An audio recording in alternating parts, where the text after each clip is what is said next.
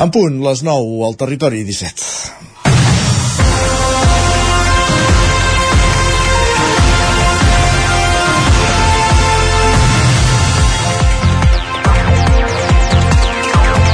El sudoku de la investidura del president del govern espanyol entra a la recta final. Després de l'intent fallit del candidat del PP, Alberto Núñez Feijóo, es va posar en marxa el compte enrere per la repetició electoral a l'espera que ho intentés l'actual president en funcions, Pedro Sánchez, candidat del PSOE.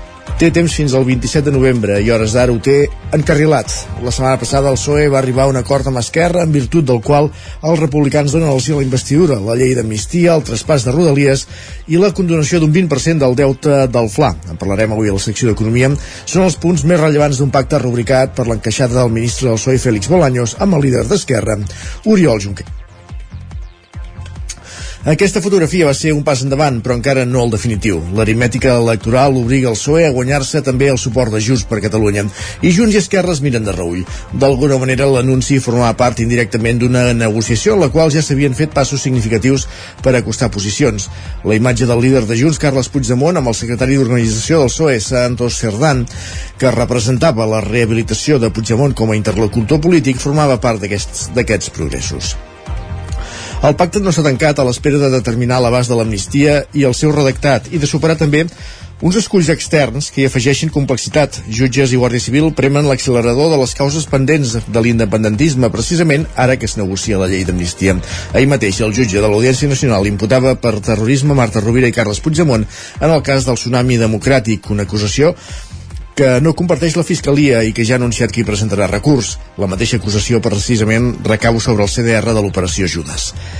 Aquest factor, ni les concentracions del PP davant de les seus del PSOE, que en un altre context ja serien qualificades de tumultuoses, no hauria de fer descarrilar un pacte per investir Pedro Sánchez evitar noves eleccions i conformar un govern sostingut per una majoria plural al Congrés que reflecteixi també les sensibilitats nacionals d'un país que ha de continuar fent passos endavant per assolir progrés econòmic, benestar social i avenços civils. És dimarts 7 de novembre de 2023, en el moment de començar el territori 17 a la sintonia de Ràdio Cardedeu, Ona Codinenca, la veu de Sant Joan, Ràdio Vic, el 9 FM, i també ens podeu veure i ho sabeu a través de Twitch, YouTube, el 9 TV, Televisió de Cardedeu i la xarxa més. Territori 17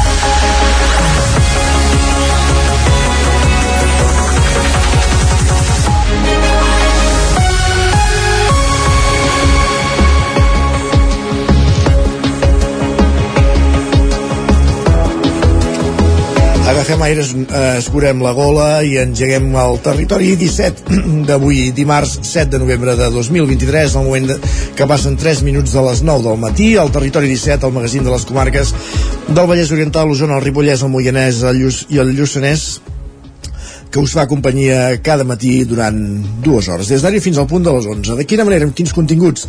Doncs ràpidament repassem, disculpeu, el sumari En aquesta primera mitja hora ens dedicarem a aprofundir en les notícies més destacades de les nostres comarques, les notícies del territori 17 en connexió amb les diferents emissores que dia a dia fan possible aquest programa.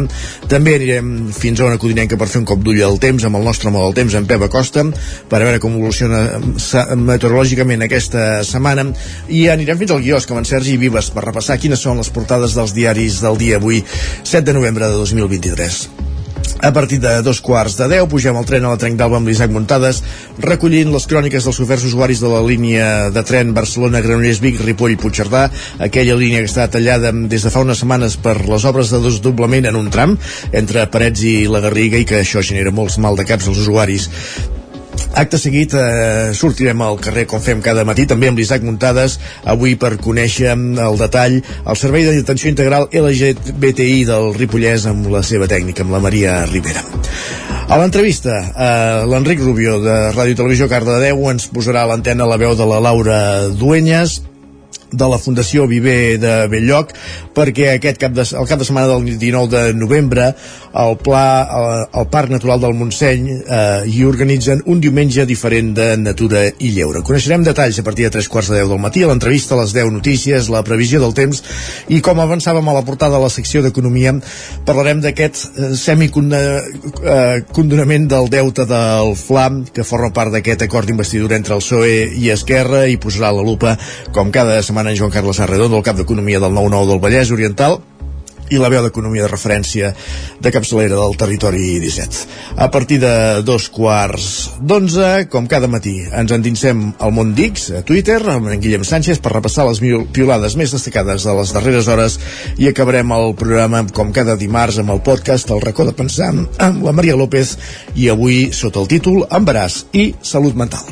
5 minuts i mig que passen de les 9 del matí i ens posem en dansa al territori 17 repassant les notícies més destacades de les nostres comarques. Les notícies del territori 17 que no són altres que les notícies del Vallès Oriental, Osona, el Ripollès, el Moianès i el Lluçanès. Territori 17.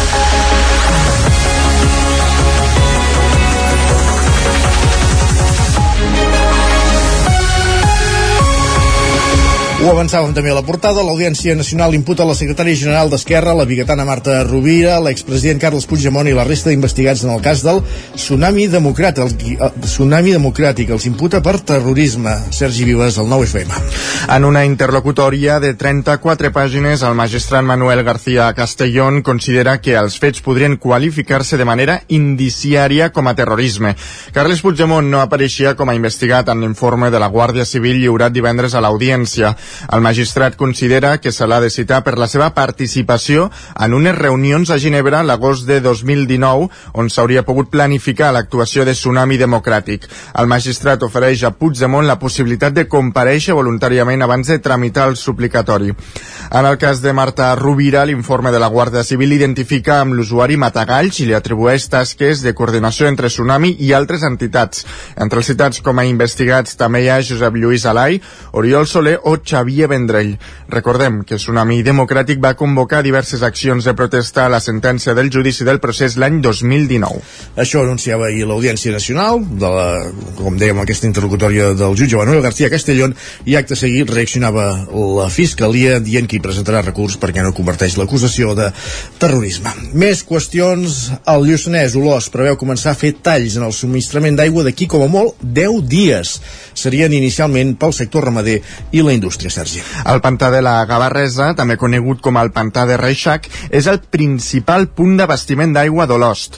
El municipi obté el 65% de l'aigua del pantà i la resta dels pous de Vilaseca, però l'embassament a causa de la manca de pluges està pràcticament buit. Per aquest motiu, des de fa tres setmanes l'abastiment es fa en part amb camions cisterna, ho explica l'alcalde Gil Salvans. El fet que no ens hagi fet cap pluja de tarda en tot l'agost, ni, ni, ni al setembre, ni, i ara tampoc hem passat un octubre bo, doncs el pantà ens està quedant, està segurament menys d'un 10%, i per tant, per allargar una mica aquesta aigua que ens queda al pantà i per no haver de fer talls de seguida, estem entrant cubes des de fa dues setmanes a, als dipòsits i estem entrant unes 10-11 cubes diàries d'aigua, bueno, cisternes d'aigua als dipòsits. El consum mitjà diari d'aigua a Olost és de 900 metres cúbics. Més de la meitat el fan les granges i més d'una tercera part la indústria.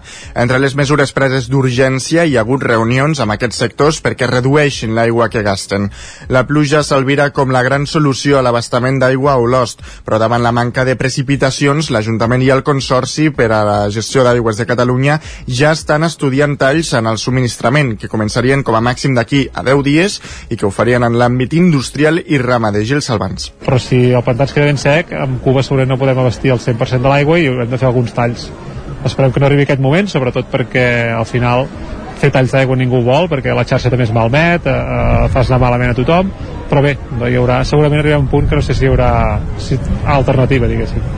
Aquesta setmana hauria de començar la retirada de fangs al pantà de la Gavarresa amb el suport de l'Agència Catalana de l'Aigua. L'acumulació d'aquests llots ha incidit en la reducció de la capacitat de l'embassament.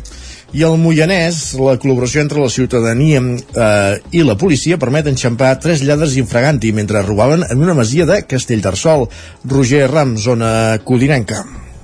Ah, exactament. Els fets han tingut lloc aquest dilluns a la tarda quan tres lladres, que s'havien endut diversos elements d'una masia situada a Castellterçol, al Moianès, han estat aturats i denunciats a Sant Feliu de Codines en un control policial a la rotonda de la carretera C59.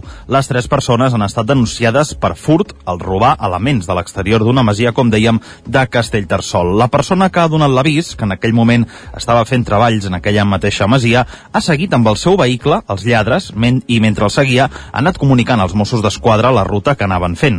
Això ha permès a la policia aturar-los a la carretera C59 a l'alçada de la rotonda sud de Sant Feliu de Codines.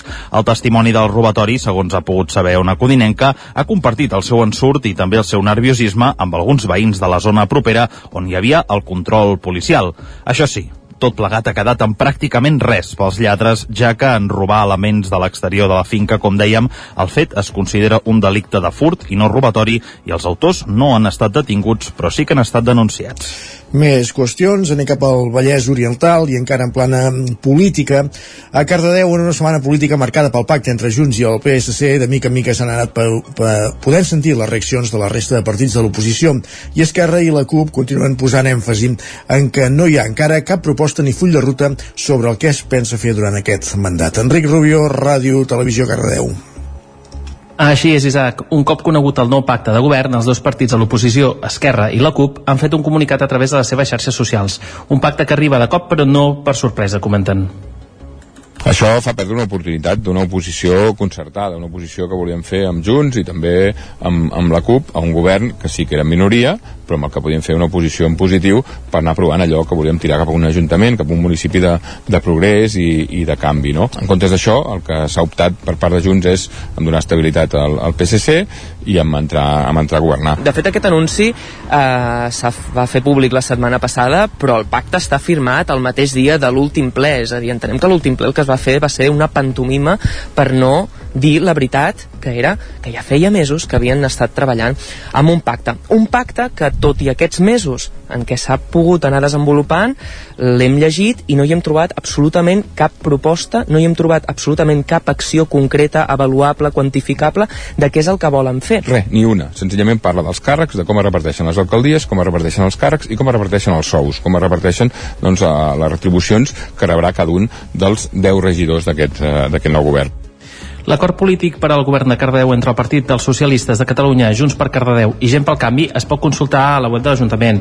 El sisè punt dels eixos d'actuació és el pla d'actuació municipal on les tres formacions polítiques expressen que es comprometen a la creació del PAM 2023-2027 abans de la finalització de l'any 2023. Gràcies, Enric. I el Ripollès, l'equip de govern de Sant Joan de les Abadesses, apuja un 50% la taxa d'escombraries. Isaac Muntades, la veu de Sant Joan. L'augment d'un 50% de la taxa d'escombraries de Sant Joan de les Abadeses per l'exercici 2024 va desfermar la polèmica en el ple extraordinari de dijous. Es va aprovar amb els vots favorables de més i el vot negatiu d'Esquerra Republicana. Els vilatans pagaran una mica més de 70 euros respecte a aquest 2023, passant de 143 a 215 euros. L'alcalde Ramon Roquer va explicar que l'increment és a causa de la proposta de cost que va passar-los al Consell Comarcal arran del concurs de recollida de residus que es va fer la primavera d'enguany, que recollia la pujada de l'IPC i de preus dels últims anys. Roquer desgranava una mica més més aquest augment. Val a dir que allò que l'Ajuntament la, recollia a través de la taxa l'any 23 pujava a 335.175. Eh, per tant, dels 335, 175 als 550, que és el cost real que haurem d'assumir aquest any, doncs hi han eh, pràcticament més de 200.000 euros, concretament uns 230.000 euros aproximadament. Eh? Per tant, sí que és una situació diguem, no volguda, que poca cosa hi podem fer des de Sant Joan les Abadeses, hauríem d'intentar que la comarca entenés que el repartiment dels costos haurien d'introduir criteris pensant en aquells que fan millor la recollida, com és el cas de Sant Joan, i en tot cas poder penalitzar aquells que fan més malament la recollida. Roquer també va apuntar que ha sortit una nova normativa europea que els obliga a aflorar el cost real de la recollida a la taxa d'escombraries. El Vall de Sant Joaní també defensava que el Ripollès només hauria de tenir un sistema de recollida de residus i no 5 o 6 com ara, i que en el seu moment es va quedar sol de defensant-ho. El porteu republicà, Sergi Albric, no entenia com el poble que més recicla de la comarca pugui ser el que pagui més i va assegurar que tenien gairebé 100.000 euros de sobrecost per la implantació de noves àrees d'aportació, una xifra que Roquer va rebaixar fins a 15.000 euros. El cap de l'oposició també va recordar-li que formava part del govern del Consell Comarcal quan es va aprovar el nou contracte de recollida de residus pels pròxims 6 anys. Roquer va matisar-li que la tria de sistemes es va fer fa 6 anys i ell no estava al Consell i que el BRIC sí que havia votat a favor del repartiment de costos pels municipis al Consell. El republicà va matisar-li que ells només aprovaven els sistemes que havien l'Ajuntament decita els alcaldes per cada municipi. Sigui com sigui, el BRIC va demanar repensar el porta a porta per aconseguir taxes de reciclatge molt més altes. Fer aquesta mena de barreig estrany, on tenim porta a porta i quatre tipus de contenidors diferents, quatre tipus de vehicles diferents que vindran a recollir el conjunt de les deixalles. Per tant, fer un barrig barreig de sistemes diferents que acaba conduint a una mala gestió del sistema de recollida que es tradueix en un increment del 50% de la taxa de recollida que passem de 143 euros a 215 és més d'un 109% respecte a allò que es pagava l'any 2017. Els retrets van ser una constant en un tema que està afectant a tots els municipis, ja que l'increment de la taxa d'escombraries és general al Ripollès. Més qüestions. Eh, donem veu ara a la presidenta de la Diputació de Barcelona, Lluïsa Moret, que en una entrevista al nou TV eh, eh, explica quins són els projectes en energies renovables i el sector agroalimentari d'Osona per part de la Diputació de Barcelona, Sergi Vives, al 9FM. Precisament eh, Moret destaca que Osona és pionera en projectes d'energies renovables i també en bioenergia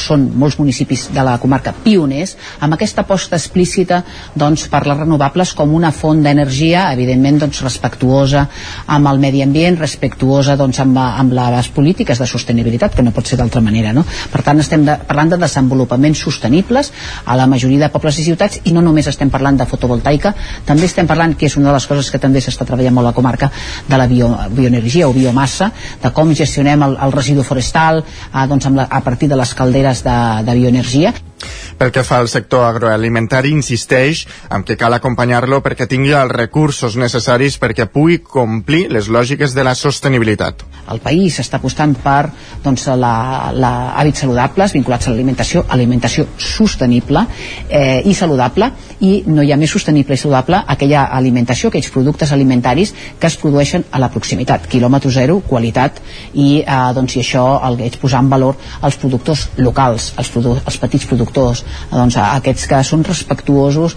doncs, evidentment amb aquestes lògiques no solament sostenibles sinó també d'ecosistemes, mantenir vius els ecosistemes de proximitat.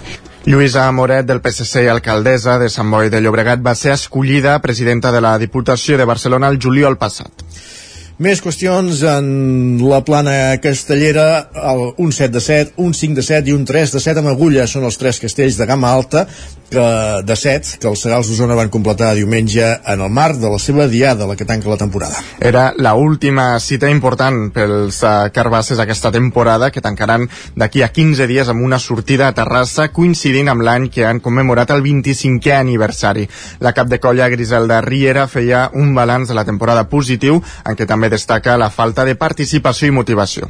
La temporada ha anat prou bé, cosa, però, però ha costat molt aquesta temporada perquè ens, hem hagut d'apretar molt a la, a la gent perquè vingués, ha costat molt arrossegar per ser gent a les places, ha desaparegut una de les dues colles de la comarca i és perquè totes dues colles, ens, ens, o sigui, nosaltres ens han marxat com la meitat de persones dels que érem i ells s'han quedat a, a, a, pràcticament a zero i per això han desaparegut. Vull dir, si no volem que morin els castells a la comarca, ens hi hem de posar tots a fer-ne.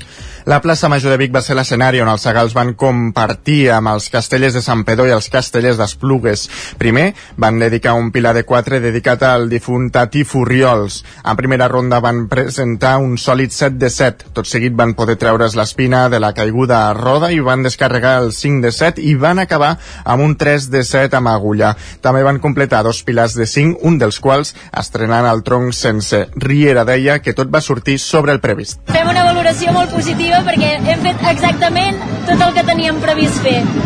I estem supercontents. A part hem tingut estrenes, hem estrenat un pilar de 5 nou que encara no el portàvem assajant feia dies però encara no l'havíem portat a plaça i l'hem pogut fer ara, hem tingut la cirereta ara al final L'Associació Segals d'Osona tancarà la temporada amb el sopar de gala que tindrà lloc el 25 de novembre. Serà quan s'anunciarà el relleu tant del president Joan Riera com de la cap de colla Griselda Riera, que ja havien anunciat la intenció de no repetir.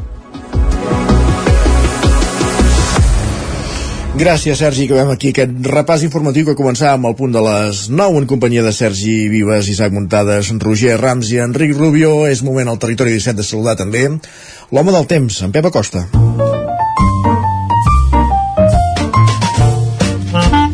Casa Terradellos us ofereix el temps. Pep Acosta han baixat els termòmetres com testimonia la meva gola eh, què més ens pot explicar de, del temps de, de les darreres hores i de com avançarà la setmana, bon dia Hola, com molt bon estàs? dia com esteu? Ja ho veus, com va tot? I tu? com va la setmana, com va el mes anar caminant, anar caminant aquí un dia més la informació meteorològica amb una mica encrustipats Tu els també? encrustipats estan a l'ordre del dia aquests dies i és que les temperatures mínimes estan baixant. Uh, la passada nit ja va ser freda i aquesta encara una mica més. Uh, glaçades que fins i tot ja han sortit de zona del Pirineu uh, cap a l'interior hi ha alguna petita glaçada comarques com Osona, Moianès, això hi ha petites glaçades, cap al prelitoral encara no, però eh, o- aquesta nit i la passada nit eh, han estat les dues més fredes eh, de la setmana i de molt. Seran les dues més fredes de la setmana i de molt perquè les temperatures a partir ja de la propera nit es recuperaran. Eh, ja tornaran a pujar les temperatures, eh, llàstima que no segueix aquest fred perquè les temperatures ben aviat tornaran a pujar i continua, continua el mateix panorama. Eh, una situació sense puja generals a casa nostra. No hi ha manera, no hi ha manera. Eh, tenim una, una situació encara una mica de vents atlàntics que ens afecten a sobre nostra amb, amb, amb aquesta circulació de fronts, de, de perturbacions cap al nord de- d'Europa, però que no ens afecten, no ens afecten. Jo recordo, eh, fa dos o tres anys, aquestes perturbacions baixaven més latitud, eh, s'aprofundien cap al golf de Cádiz i ens enviaven eh, una mica de llevant cap a casa nostra i eren els causants de, de bastanta pluja.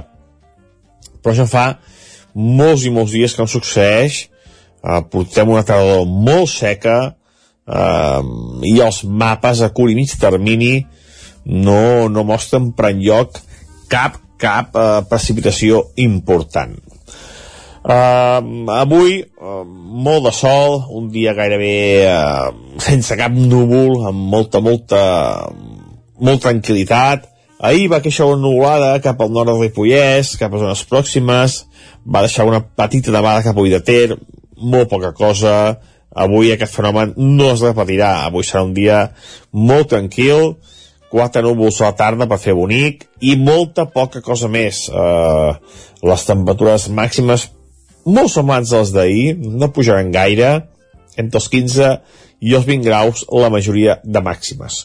On sí que trobem una pujada notable serà la nit de dimarts a dimecres que les temperatures ja pujaran, no baixaran ni de bon tros tant com aquestes dues últimes nits. A disfrutar del dia i poca cosa més a dir, que segueix aquesta tònica molt lenta, sense puja, eh, amb una mica de fred, però que aviat eh, ja en tindrem bastant de menys. Eh? El fred aquest se'n va, eh, ve aquest mini estiuet Sant Martí típic del mes de novembre. Moltes gràcies, adeu. Anem de mini estiuet en mini estiuet aquest any. Gràcies, Pep. Parlem d'aquí una estoneta. Nosaltres anem ara cap al quiosc. Casa Tarradellas us ha ofert aquest espai. 7 minuts i seran dos quarts de 10 del matí.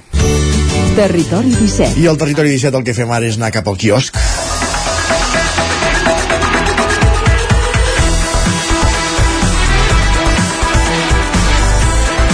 perquè volem repassar, Sergi Vives, quines són les portades dels diaris del matí d'aquest matí de dimarts, 7 de novembre de 2023.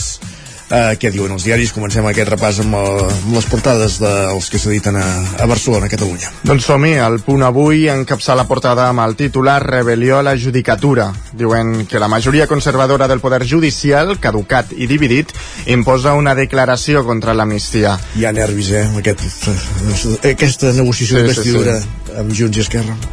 Expliquen que l'audiència maniobra imputant Puigdemont i Rovira per terrorisme en la causa del tsunami i diuen que les manifestacions de la dreta davant del, de les seus socialistes acaben amb càrregues policials. Això en un altre moment serien actos tumultuaris. De sedició i, sí, no? Coses Bueno. d'aquestes, sí. En fi, continuem. El periòdico diu que el jutge i el fiscal s'enfronten per la nova imputació de Puigdemont. Expliquen que el magistrat ordena investigar l'expresident per terrorisme en el cas Tsunami i l'acusació recorre perquè només pot seguir-se per desordres públics. Diuen que el PSOE i Junts s'acosten a tancar el pacte a Brussel·les.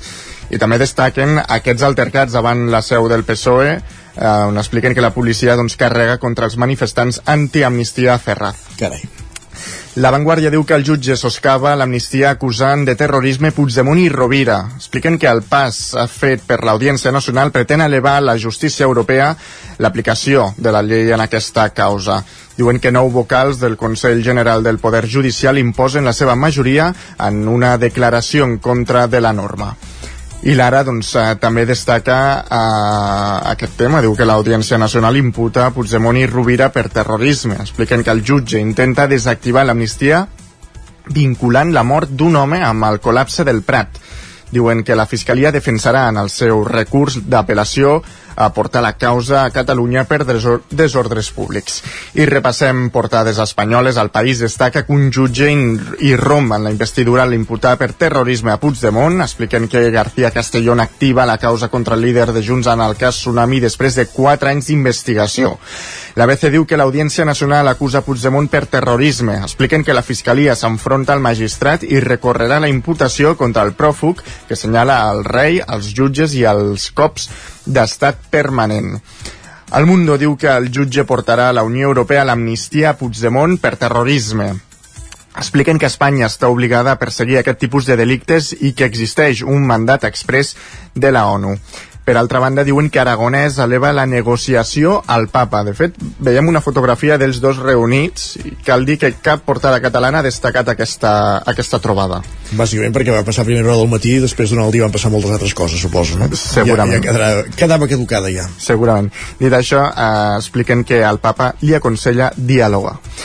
I acabem amb la raó, eh, que també destaca que l'Audiència Nacional investiga Puigdemont per terrorisme. Expliquen que Feijó crida la mobilització el 12 de novembre, aquest diumenge, a tota Espanya contra l'amnistia. Carai, tu, quina manera de...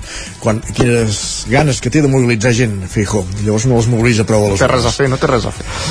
Exacte. Uh, repassem ràpidament els digitals, a l'edició de Sonido el Ripollès del 99.cat. Doncs com us explicàvem, Olós confirma talls d'aigua a indústries i granges la setmana vinent. I a l'edició del Vallès Oriental... Doncs que Granollers perd 2,5 milions de, dels fons europeus per reformar l'Avinguda Sant Esteve déu nhi fem una petita pausa i tornem. Gràcies, Sergi. A tu.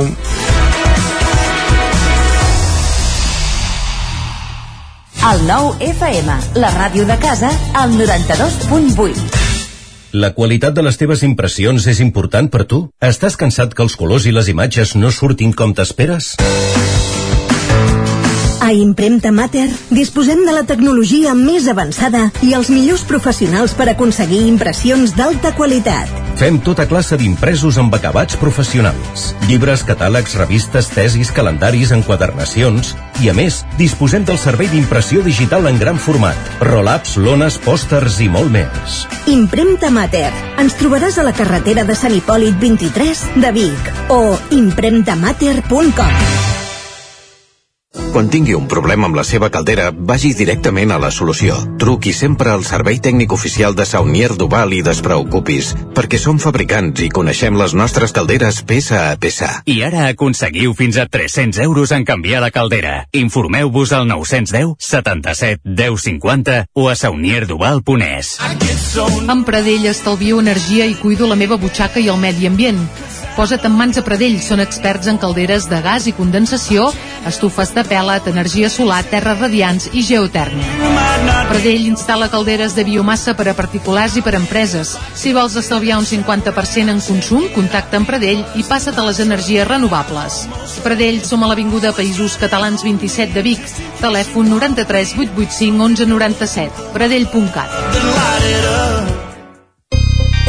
L'infopodcast del 99 amb Sílvia Pedret. Cada dia et donem les claus de les notícies més rellevants de casa nostra. Vivim en una comarca que s'està demostrant pionera en trans... Desperta't cada dia amb l'infopodcast del 9-9. Aquesta setmana tornen a ser notícia els pantans perquè han baixat... El trobaràs a dos quarts de vuit del matí al 99.cat, Spotify, iVox i si ho vols, te l'enviem directament al mòbil.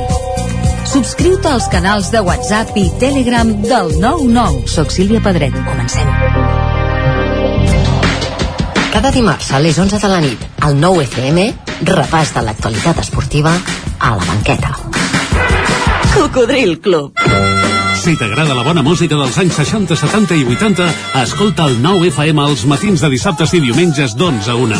És el temps del Cocodril Club, tot un clàssic de la ràdio, amb les bases del pop-rock, les llegendes, les cançons que s'han convertit en autèntics himnes. Recorda, dissabtes i diumenges al matí, d'11 a 1, al 9 FM 92.8. Cocodril Club, el programa revival de l'Albert Malla. Hasta luego, cocodrilo.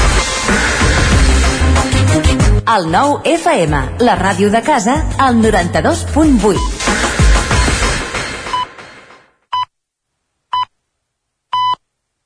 Territori 17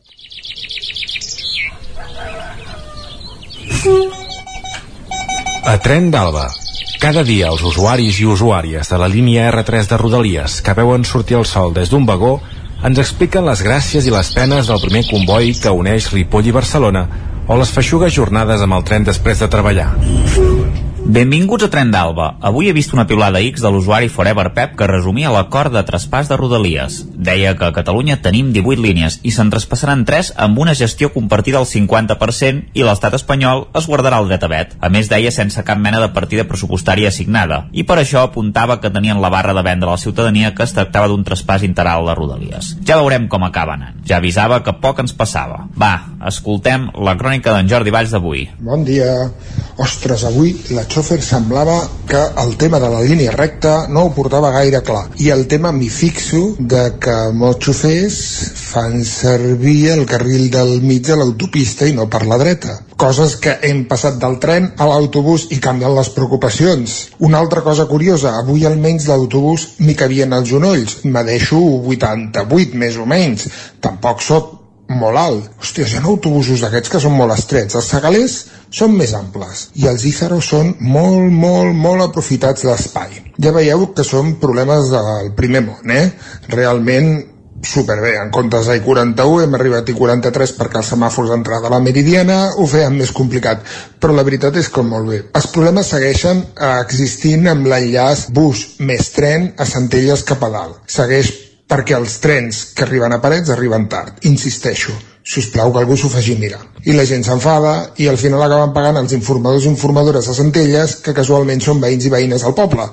I clar, rondinen, però és que no hi ha manera de fer que els trens arribin puntuals amb un trosset tan petit com l'Hospitalet fins a Parets. Bé, ahir va haver una altra varia. Ja no sé si el cable, la catenària, un tren, el que sigui. Ens faran el traspàs o no, o el què, o el com. Terror em fa terror, perquè hi haurà un altre ens que voldrà gestionar el mateix, que és que, si us plau, els trens funcionin i vagin puntuals.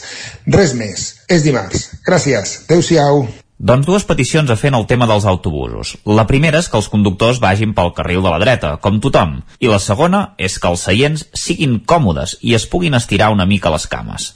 Va, ens retrobem demà amb més històries del tren i de l'R3. Territori 17 Gairebé 3 són els minuts que passen de dos quarts de 10 del matí.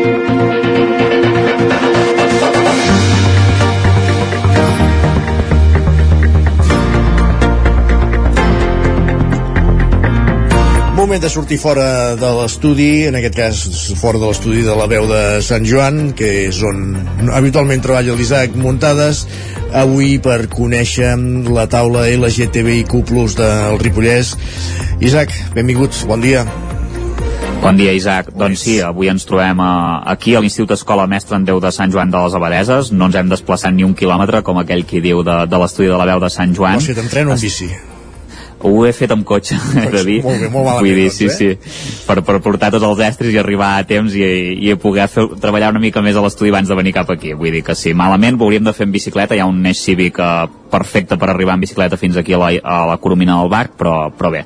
En tot cas, mira, uh, avui, uh, fa uns 15 dies que es va reactivar la taula LGTBIQ+, de, del Ripollès, que hem de dir que és una iniciativa que va quedar tallada per la pandèmia i que a dia d'avui suposo que veient aquest retrocés de, de drets i llibertats també ho hem vist no, darrerament en, en diverses eleccions per l'ascens de l'extrema dreta arreu del país, eh, també d'Europa, de, de, del món, doncs fa més falta que mai i avui eh, en parlarem amb la Maria Rivera, que ella és tècnica del Servei d'Atenció Integral LGTBI de, del Ripollès, del Consorci de Benestar Social de, del Ripollès i que precisament doncs, avui la Maria visita l'Institut Escola Mestre Andreu per presentar doncs, els serveis LGTBIQ+, als joves. Bon dia, Maria, i moltes gràcies per ser al Territori 17 amb nosaltres. Bon dia, moltes gràcies a vosaltres.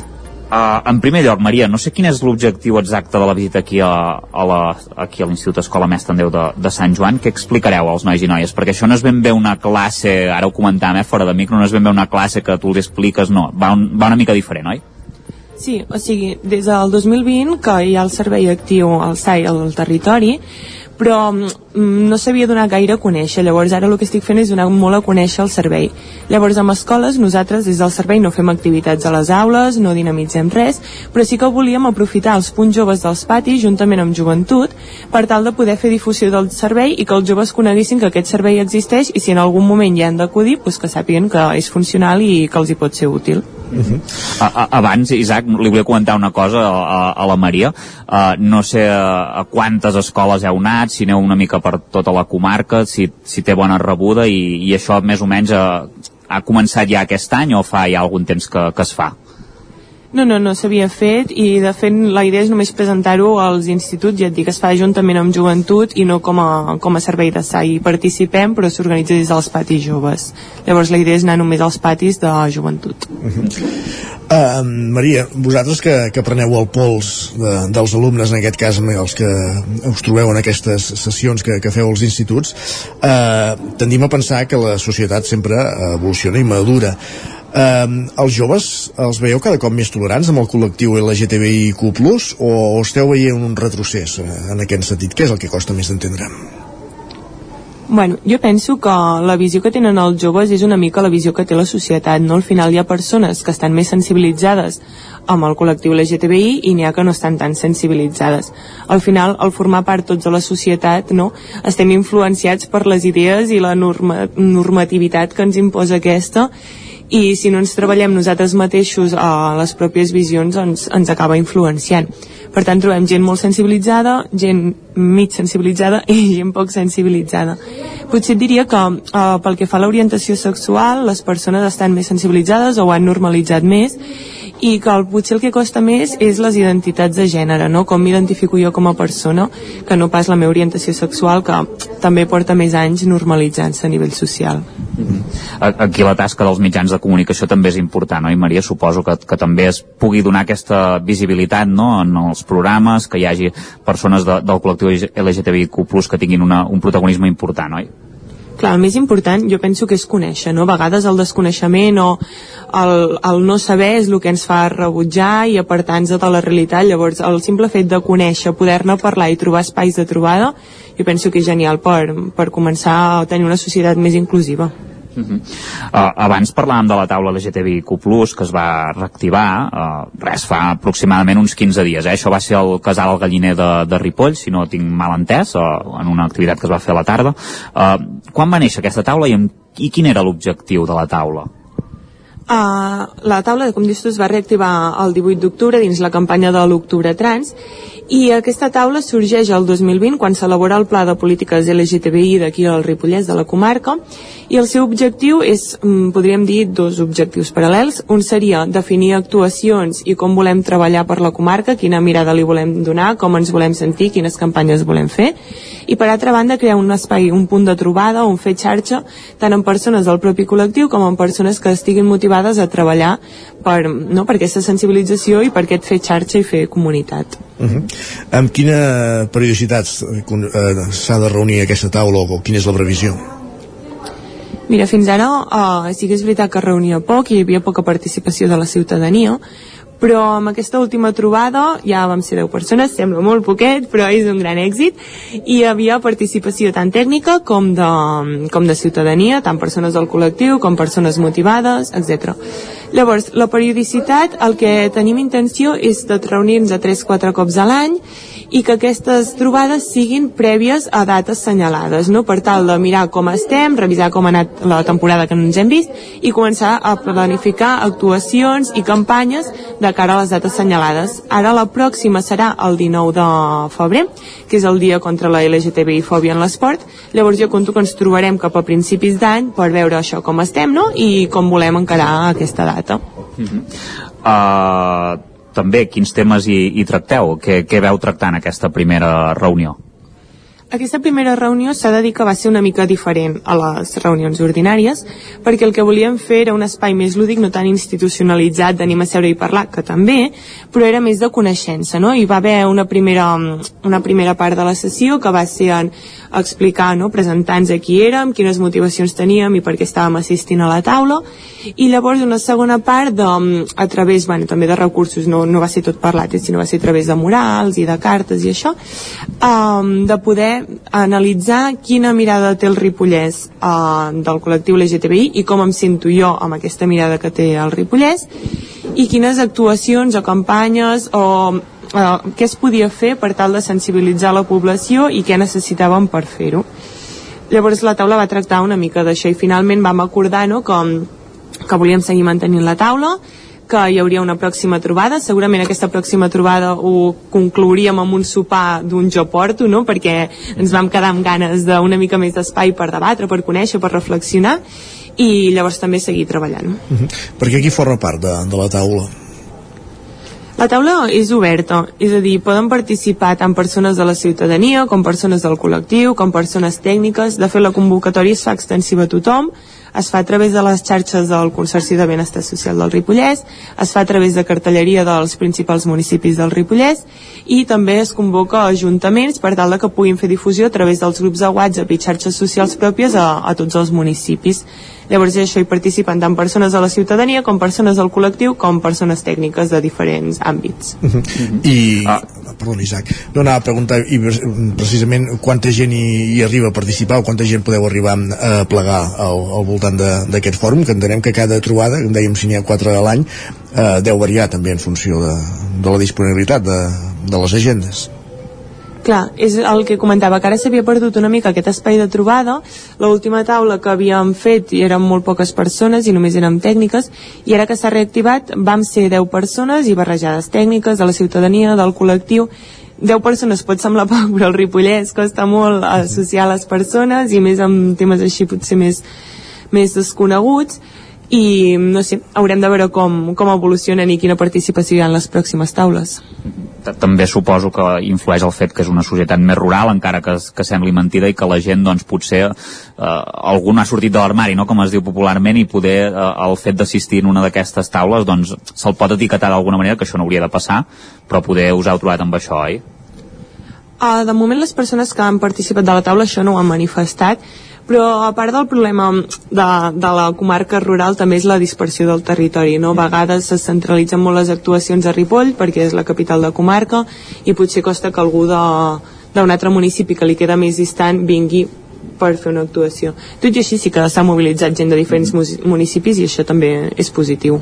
Uh, quins altres serveis, uh, serveis s'ofereixen des de, del SAI en matèria de LGTBIQ+, al Ripollès i no sé si teniu molta demanda de persones que us els requereixen? Clar, ara al Ripollès només hi ha el Servei d'Atenció Integral que dona resposta al col·lectiu LGTBI, no hi ha cap entitat ni cap associació i nosaltres treballem amb tres línies d'actuació, podríem dir. Tenim l'atenció individualitzada, que és l'atenció a les pròpies persones del col·lectiu, a les seves famílies, siguin tràmits de canvi de nom de targetes sanitàries, eh, acompanyament en posar una denúncia, bueno, qualsevol tràmit que es pugui requerir. Llavors també l'acompanyament a professionals que treballin en àmbits sensibles, salut, ajuntaments, eh, educació amb els claustres, mm, joventut, és a dir, es treballa en qualsevol àmbit social i susceptible de treballar amb persones del col·lectiu i llavors tenim tota la, la part de sensibilització de ciutadania, d'activitat comunitària que fem dif diferents activitats al llarg de l'any, no? Ara, per exemple, a la campanya d'estiu van fer un, una escenificació amb titelles versionant contes tradicionals amb mirada LGTBI, mm -hmm. eh, bueno, diferents activitats de sensibilització obertes a tothom que van des dels més petits fins als més grans i sempre ho fem amb caràcter lúdic perquè creiem que té més, és més atractiu per la, per la població. Uh -huh. Uh -huh. Més enllà d'aquest servei que oferiu des del Consorci de Benestar Social de, del Ripollès, hi ha ajuntaments també que hagin incorporat algun tècnic eh, de referència en matèria LGTBIQ+, Clar, des que es va elaborar el pla de polítiques LGTBI, a cada, muni cada municipi, cada ajuntament havia de definir un referent que portés tot el tema de polítiques LGTBI. Llavors, a cada municipi hi ha una persona que s'encarrega d'aquest aspecte, a vegades normalment coincideix amb igualtat i feminismes, no? que ja formem part del propi departament, i de benestar social. Llavors, sí, cada municipi té una persona eh, que és la referent en, en polítiques LGTBI. Precisament l'altre dia també entrevistàvem el, el territori de ODS la Vanessa Pau, que és la regidora actual d'Igualtat i Feminismes, que és una regidoria recent creada aquest mandat a, a l'Ajuntament de Sant Joan. Uh, per acabar, Maria, abans hem comentat el tema dels nens, eh, que deies això, si estan més sensibilitzats o menys. I el Ripollès, com a comarca, la gent està més sensibilitzada, uh, perquè també és una comarca, recordem, molt envellida, que té molta, molta gent de més de, de 65 anys. Mira, jo penso que al Ripollès no hi ha, o sigui, ja, és el que et deia abans, eh, ja depèn de la persona, però sí que és veritat que a vegades pensem que les persones grans tindran una mentalitat més tancada, i hem vist que no és així, perquè també hem anat a fer actuacions a les residències de la comarca, amb algunes, Llavors, eh, hem vist que es, es recull molt bé i que hi ha molta voluntat de parlar-ne i que es poden fer comparacions amb com era la societat abans i com era ara. Llavors, pel que fa a la gent gran, hi ha un, una bona rebuda en general mm, pel que fa al tema LGTBI. Quina mirada té la societat ripollesa? Bueno, jo crec que no hi ha una discriminació directa clara perquè no tenim agressions, no tenim un alt volum de demanda individualitzada, que també per això estem fent difusió del servei, però sí que hi ha una discriminació més passiva, més invisibilitzada, que va treballant per sota, no? per exemple, no utilitzar els pronoms adequats cap a una persona trans, o no, no respectar determinades orientacions quan no estàs parlant amb la persona sinó que estàs per darrere. Llavors sí que caldria treballar no, aquestes discriminacions més passives però que van calant i van treballant per darrere. Deures que tenim tots plegats. N'hem parlat eh, amb la Maria Rivera eh, tècnica del Servei d'Atenció Integral LGTBI del Ripollès del Consorci de Benestar del, del Ripollès. Maria, moltes gràcies que vagi bé aquesta sessió amb els alumnes de, de l'Escola de Sant Joan de les Abadesses i gràcies per acompanyar-nos aquest matí aquí al Territori 17. Moltes gràcies a vosaltres. Bon dia també, Isaac, parlem més tard. Bon dia, fins després. I nosaltres que avancem, hem parlat, hem conegut aquesta iniciativa del Consorci de, de Benestar Social del Ripollès i ara anem uh, cap a, als estudis de Ràdio Cardedeu, que tenim més protagonistes que ens esperen en aquest matí de dimarts 7 de novembre de 2023.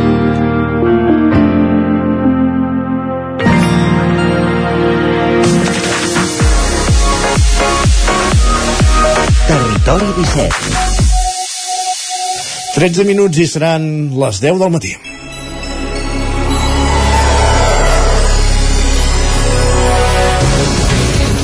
Amb motiu del Dia Internacional de les Persones amb Discapacitat, la Federació d'Entitats Excursionistes de Catalunya, la FEC i la xarxa de Parcs Naturals amb la col·laboració de la Fundació Viver de Belllloc organitzen pel cap de setmana del 19 de novembre, en ple Parc Natural del Montseny, un diumenge diferent de natura i lleure. Explica'ns com de diferent serà aquest diumenge, Enric Rubio, Ràdio Televisió Cardedeu. Hola Isaac, què tal? De bola de nou. Doncs sí, així és, i estic eh, molt content Disculpeu, estic molt content de l'entrevista que farem avui en un món en què totes les retallades o la gran majoria d'elles afecten al món social i on políticament s'està veient una clara deriva cap a la intolerància i la demagògia. Crec que tots tenim en aquest món l'obligació d'intentar en la mesura que puguem i malgrat soni ensucrat o com a frase de punt de llibre fer un món millor. És per això que avui m'agrada rebre la Laura Duenyes del Viver de Belllloc, perquè ens pugui parlar de la jornada que han coorganitzat aquest cap de setmana al Montseny, com tu deies, Isaac, en el marc del Dia Internacional de les Persones amb Discapacitat. I és que si d'alguna cosa puc estar segur és de que cada vegada que aquesta fundació du a terme alguna acció, jornada, projecte o iniciativa, el món és un xic millor i la vida dels qui s'hi troben emparats molt més que un xic. Hola Laura, bon dia, moltes gràcies per visitar-nos, sabent que sempre que vens a casa nostra estàs deixant de banda dos, quatre, vuit temes i és que esteu a molts llocs alhora. Benvinguda, com estàs? Bon dia, molt bé, gràcies a vosaltres per donar-nos aquest espai, com sempre. Només faltaria, això és casa vostra. En, en primer lloc, ara que s'acosta el Dia Internacional de les Persones amb Discapacitat, com dèiem, de quina salut gaudeix el sector ara mateix? Està passant per un bon moment a nivell de sensibilització i inclusió?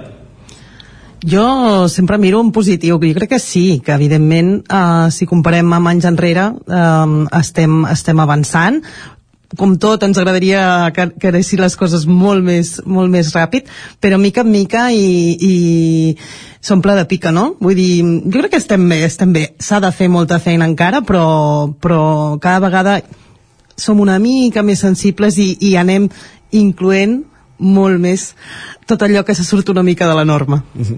Laura, hem estat parlant d'aquesta jornada del 19 de novembre per introduir l'entrevista, una jornada que organitzeu conjuntament la Federació d'Entitats Excursionistes de Catalunya i la, farxa, la xarxa de parcs naturals de la Diputació de Barcelona, però com dèiem, la vostra col·laboració tindrà un paper molt important. Explica'ns eh, el detall. Eh, quin serà el vostre paper i quina serà aquesta activitat? Bé, bueno, la, la xarxa de parcs naturals eh, i la FEC eh, ja per segon any eh, han, han volut organitzar una jornada eh, oberta a tothom amb motiu del, del Dia Internacional de les Persones amb Discapacitat i aquest any eh, van triar fer-ho al Parc Natural del Montseny. Llavors ja des de la mateixa organització l'any passat també ho van fer, doncs van contactar amb entitats del territori doncs, per, per també fer no, aquesta visió més territorial i, i, i sumar-s'hi i, i a la vegada doncs, també fer més difusió entre tots i totes i bé, ens van contactar i nosaltres ja sabeu que tenim aquest, aquest tarannà de, de, que tot suma, no? com dèiem abans d'estar-hi sempre sí. sí, sí, sí, sí, i a més és que realment és, eh, pinta molt bé o sigui, és una manera de, de donar a conèixer també una mica tota l'accessibilitat la, dels parcs naturals que jo crec que personalment no? i tot i dedicar-me al sector era una cosa que no, no acabava de conèixer del tot i crec que és una, pot ser una matinal molt interessant a tots els nivells tant com per conèixer no? doncs, um, tota aquesta xarxa accessible d'entorns que a vegades eh, donem per fet que no ho són i que realment sí que s'està fent un esforç doncs, per apropar-ho a totes les persones. I tant. Uh, Font Martina, uh, que és allà on es farà pels nostres oients, és un espai fantàstic de fàcil accés amb una zona boscosa realment espectacular, però que alhora uh, gaudeix amb moltes facilitats per moure's-hi per dins, tant pel bosc com per als camins que poden creuar aquesta zona, oi? Què us ofereix aquest espai en una jornada tan característica com aquesta? Doncs, eh, en part, el que dius, l'entorn és, és increïble i a la vegada molt accessible, que això, evidentment, i donada la jornada era, era un punt molt important, i do, um, dona espai a tothom, no? Vull dir-te, estàs a la zona més de, de lo que era el, el càmping, doncs uh, és molt planera, però a la vegada amb una vegetació increïble, no? Com, bueno, 100% Montseny, i, i el, a la pròpia matinal, que a més a més organitzarà doncs, activitats de, de descoberta, uh, visites teatralitzades, l'espai és molt xulo. La veritat és que ens va costar una miqueta, eh? Vull dir, uh, trobar quin era el millor lloc, també tenint en compte les dates, no? que al final estem en plena temporada de tardor i, I, i és una zona que de per si, sí, sí, sí, de fet, bueno, sabeu que hi ha tot un, una combinació d'autobusos i sí. per aquest dia es posen autobusos específics per poder garantir que tothom pugui arribar uh, amb, amb un vehicle públic i així també, no? Uh, entre tots també anar deixant una mica menys apatjada. A qui va adreçada aquesta jornada? És a dir, a famílies o, o més aviat a grups amb persones amb algun tipus de discapacitat? Qui, qui en pot gaudir d'aquest 19 de novembre? En pot gaudir tothom, perquè jo crec que és la gràcia que, que eh, s'ha dissenyat pensant en, en oferir activitats per tots i totes, per totes les edats i per totes les capacitats, no? Um, sempre hi ha, hi, ha, hi ha una mica aquest... Nosaltres mateixes, eh, des de l'organització, tant amb el, amb el Parc Natural com amb, amb Aprèn Serveis Ambientals, que és la que entomarà una mica tota la part de tallers i tot això, um, entres amb aquest dubte, no? De, com, no és que ha de ser per tothom, o sigui, ha de, ha de ser per tothom. I precisament, no?, tant per, evidentment, una persona amb discapacitat poder conèixer, com us deia, no?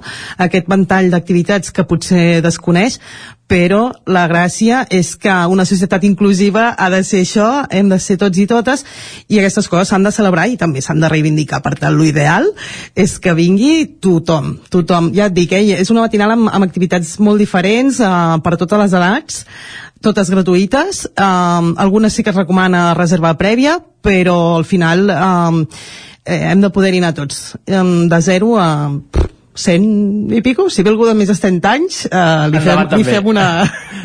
oh, i tant que sí. Doncs que això serveixi això com a crida també perquè, mira, gràcies que el ter del Territori 17 és que unes quantes de les ràdios no, envoltem el massís de Montseny també Correcte. i, i tenim aquest fàcil accés.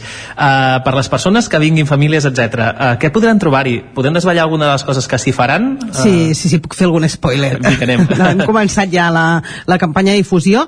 Eh, com us deia, és una matinal de 10 a 2 aproximadament. Durant tot el dia, a més a més, hi haurà servei de, de cafeteria, per si algú s'anima, que, que el portarà el servei de restauració de, de Fundació Viver de Belllloc. Ens coneixem bé. Sí.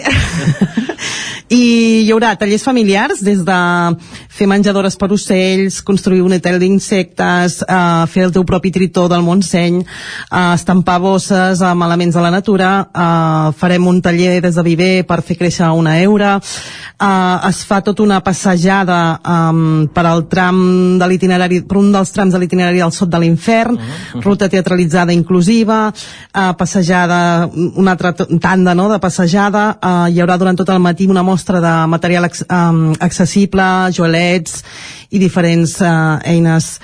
Eh, mm, tanquem la matinal amb un espectacle familiar amb la companyia La Cuca Viu i també hi haurà entitats del territori, eh, Fundació Viver, TEA Vallès Oriental eh, i Som, que eh, tindrem un espai per poder eh, presentar qui som i una mica què fem al territori i ja us dic, sí, no, no, avorrir-vos no, no, home, els diumenges al final escolta'm, s'ha al moment fer. dius, ai, quina mandra però quan ja hi ets, jo és que estic seguríssima que ens ho passarem superbé Eh, abans parlàvem de sensibilització la connexió anterior, també podem parlar-ne ara per com d'importants són jornades com aquesta eh, per sensibilitzar la societat de, de, en aquest cas de, de les limitacions que, que tenen els, els col·lectius amb, amb problemes de, de mobilitat, per exemple.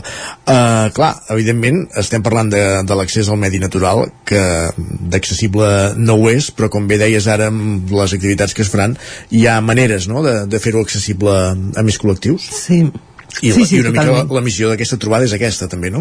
De sensibilitzar Correcte. i donar a conèixer.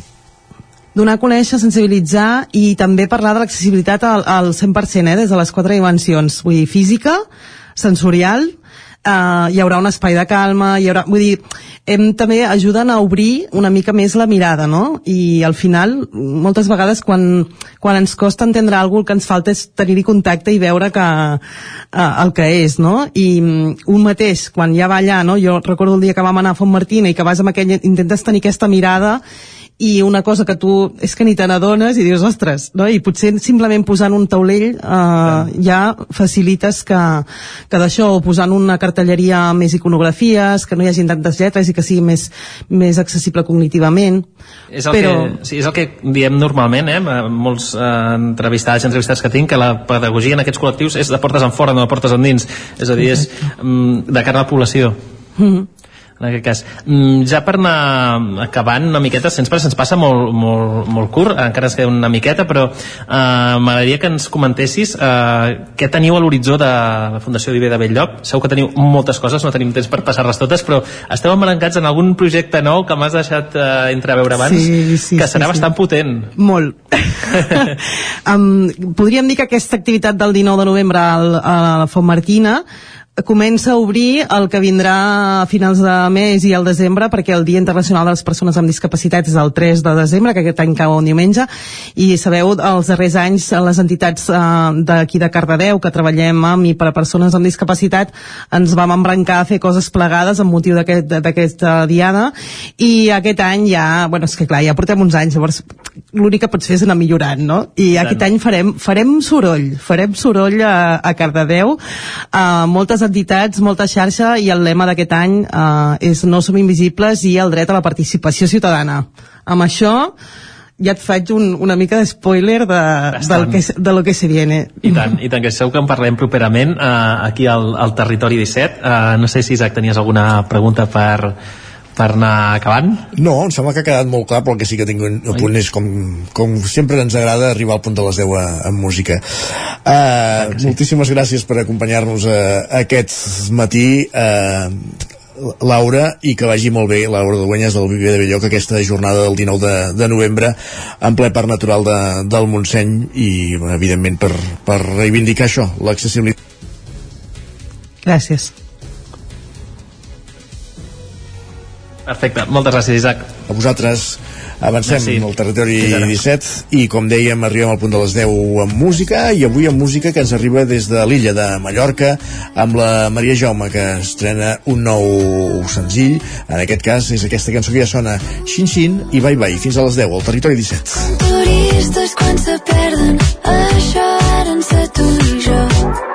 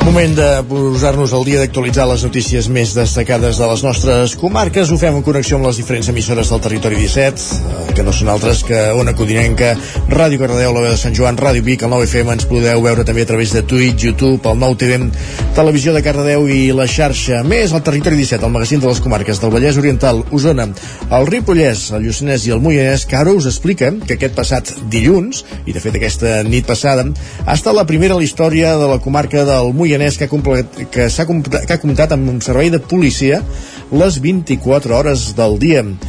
Explica'ns això, Roger Rams, zona codinenca. Exacte, us explicàvem fa unes setmanes que s'inaugurava a Mollà la comissaria compartida entre els Mossos d'Esquadra i la policia local i això ha fet que aquest eh, passat dilluns hagi estat el primer dia que la comarca del Moianès compta en presència dels Mossos d'Esquadra, com deies, durant les 24 hores del dia. El canvi és possible gràcies a l'ampliació de la comissaria compartida entre Mossos i policia local situada a l'edifici de l'Ajuntament de Mollà que ha permès augmentar el nombre d'agents a la capital del Moianès passant dels 11 que hi havia fins ara fins a 25. Per tant, s'ha més que doblat la plantilla de Mossos. Dionís Guitera, alcalde de Mollà, valorava positivament aconseguir aquest servei molt reclamat a la comarca. Són declaracions fetes durant l'acte d'inauguració d'aquest equipament. Bueno, això és el, la culminació de 12 anys de feina, quan Mollà doncs, tenia la greu situació econòmica i havíem de, de veure de com, com manteníem el cos de policia local quan no era un servei obligatori i no teníem els diners per mantenir-lo. Per tant, el que vam fer des del 2012 és intentar col·laborar i parlar amb, eh, amb el Departament d'Interior per començar a pensar de quina manera podíem optimitzar els recursos econòmics, tècnics i materials de Mossos d'Esquadra i policia local per desplegar-los al Moianès. Doncs després d'aquestes reivindicacions ara en veiem els resultats. Fins ara, durant les nits, les emergències a la comarca del Moianès eren ateses per patrulles de les comissaries de la vora, com la de Vic, la de Manresa o la de Caldes de Montbui. La reforma de comissaria inaugurada el passat mes també ha servit per poder instal·lar un nou espai per l'atenció a la ciutadania, millorar les dependències destinades als agents i crear una sala de retenció per persones detingudes. Gràcies, Roger. Més qüestions. L'Audiència Nacional imputa la secretària general d'Esquerra, la biguetana Marta Rovira i l'expresident Carles Puigdemont i la resta d'investigats en el cas del tsunami democràtic i els imputa per terrorisme Sergi Vives al 9FM. En una interlocutòria de 34 pàgines, el magistrat Manuel García Castellón considera que els fets podrien qualificar-se de manera indiciària com a terrorisme. Carles Puigdemont no apareixia com a investigat en l'informe de la Guàrdia Civil lliurat divendres a l'audiència. El magistrat considera que se l'ha de citar per la seva participació en unes reunions a Ginebra l'agost de 2019 on s'hauria pogut planificar l'actuació de Tsunami Democràtic. El magistrat ofereix a Puigdemont la possibilitat de compareixer voluntàriament abans de tramitar el suplicatori. En el cas de Marta Rovira, l'informe de la Guàrdia Civil identifica amb l'usuari Matagalls i li atribueix tasques de coordinació entre Tsunami i altres entitats. Entre els citats com a investigats també hi ha Josep Lluís Alai, Oriol Soler o Xavier Vendrell. Recordem que Tsunami Democràtic va convocar diverses accions de protesta a la sentència del judici del procés l'any 2019. I hi ha hagut reaccions a aquesta decisió del jutge de l'Audiència Nacional, de Manuel García Castellón. La mateixa Fiscalia no comparteix les acusacions de terrorisme i presentarà recurs. Olòs preveu començar a fer talls en el subministrament d'aigua d'aquí com a molt 10 dies. Serien inicialment pel sector ramader i la indústria, Sergi. Així és, el pantà de la Gavarresa, també conegut com a pantà de Reixac, és el principal punt d'abastiment d'aigua d'Olost. El municipi obté el 65% de l'aigua del pantà i la resta dels pous de Vilaseca, però l'embassament, a causa de la manca de pluges, està pràcticament buit. Per aquest motiu, des de fa tres setmanes, l'abastiment es fa en part amb camions cisterna. Ho explica l'alcalde Gil Salvans. el fet que no ens hagi fet cap pluja de tarda en tot l'agost, ni, ni, ni al setembre, ni, i ara tampoc hem passat un octubre bo, doncs el pantà ens està quedant, està segurament menys d'un 10%, i per tant, per allargar una mica aquesta aigua que ens queda al pantà i per no haver de fer talls de seguida, estem entrant cubes des de fa dues setmanes a, als dipòsits i estem entrant unes 10-11 cubes diàries d'aigua, cisternes d'aigua als dipòsits. El consum mitjà diari d'aigua a Olost és de 900 metres cúbics. Més de la meitat el fan les granges i més d'una tercera part la indústria. Entre les mesures preses d'urgència hi ha hagut reunions amb aquests sectors perquè redueixin l'aigua que gasten.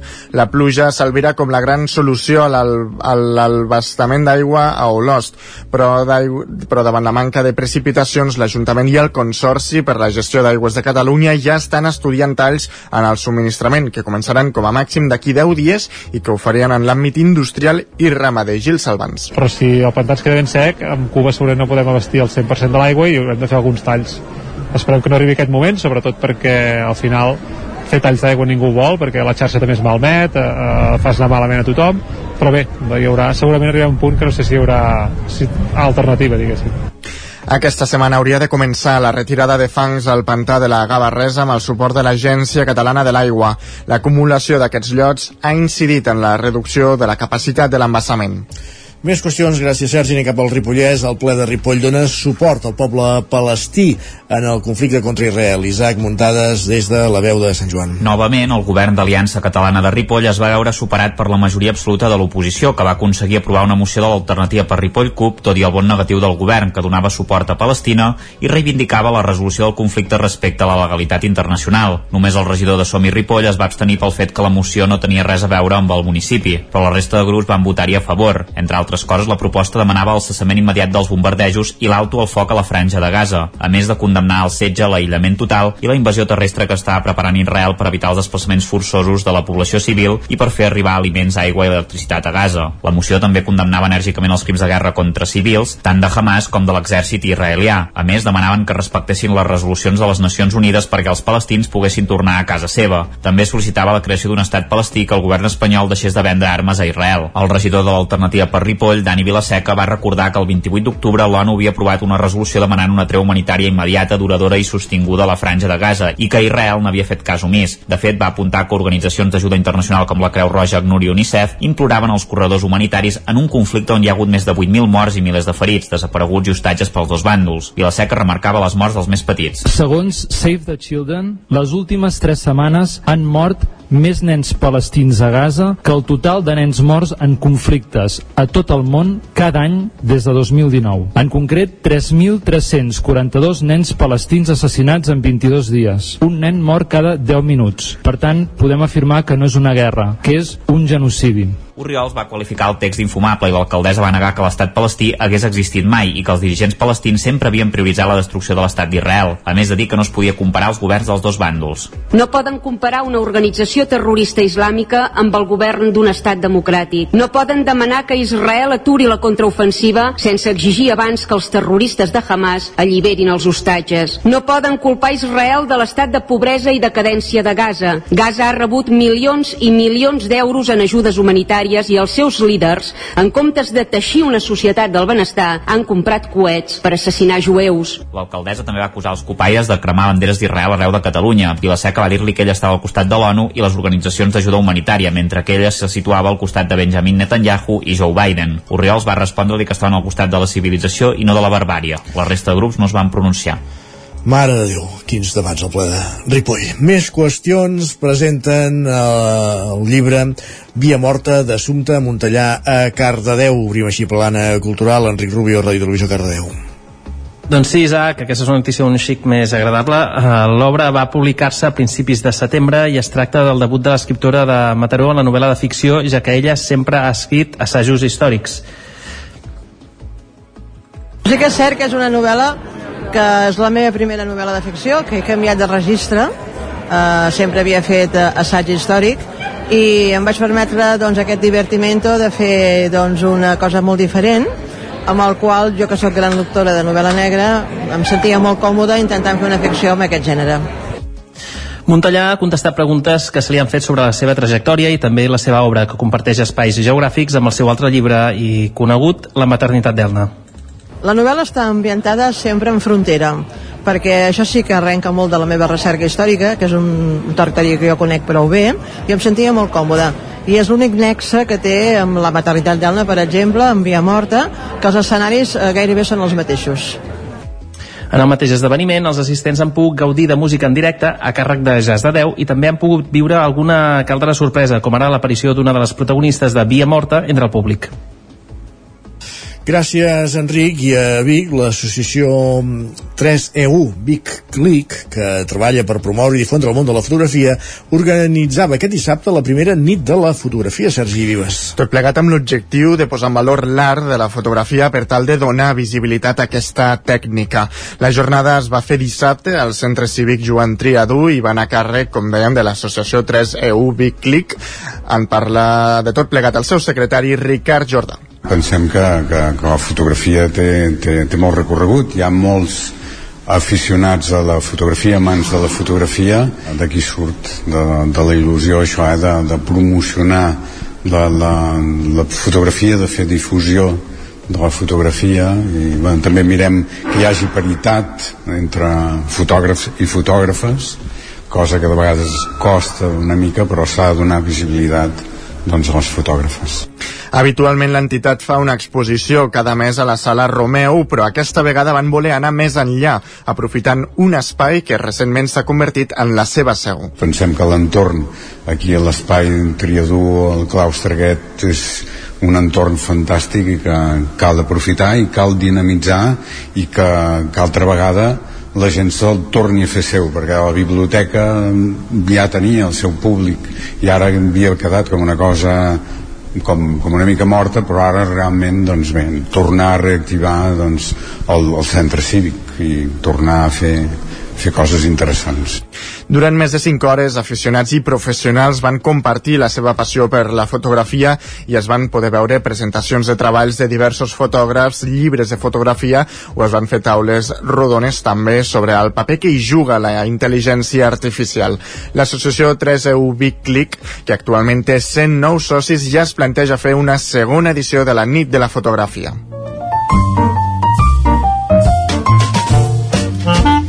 Casa Terradellos us ofereix el temps. I acabem aquí aquest repàs informatiu que començàvem al punt de les 10 en companyia de Sergi Vives, Isaac Muntades, Roger Rams i Enric Rubio per donar pas al nostre home del temps, en Pep Acosta, que ens espera un cop més a Ona Codinenca per explicar-nos la previsió, per avançar-nos quina serà la preve- la- l'evolució meteorològica de la jornada d'avui dimarts 7 de novembre. Pep, benvingut de nou, bon dia. Hola, molt bon dia.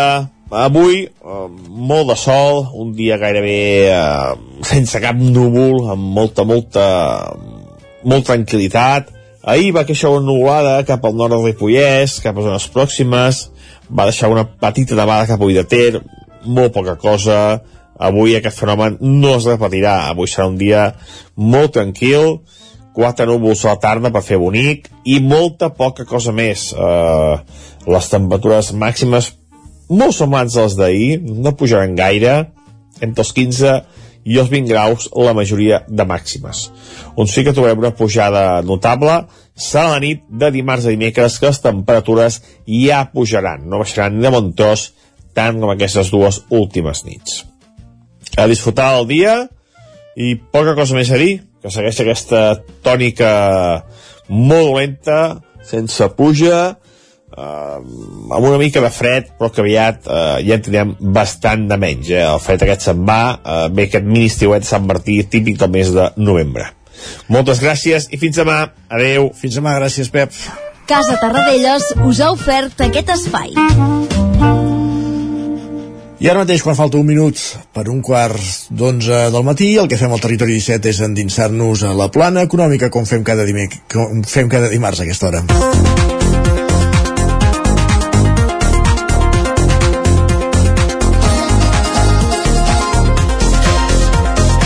I ja sabeu que el Territori 17 parlar d'economia és parlar de Joan Carles Arredondo, el cap d'economia del 9-9 del Vallès Oriental, eh, que aquests dies va posant sobre va posant la lupa sobre aquests acords d'investidura, d'una investidura que encara no està del tot garantida, falta segurament l'acord amb Junts per acabar-ho de, de desllorigar, però anem coneixent acords, ja van posar el focus amb el tema de la reducció de la jornada laboral, que formava part de l'acord entre el PSOE i, i, i, i sumar i ara avui ens fixem en un dels punts de l'acord entre el PSOE i Esquerra Republicana que és la condonació d'una part del deute de, del FLA Joan Carles Arredondo, benvingut, bon dia Bon dia.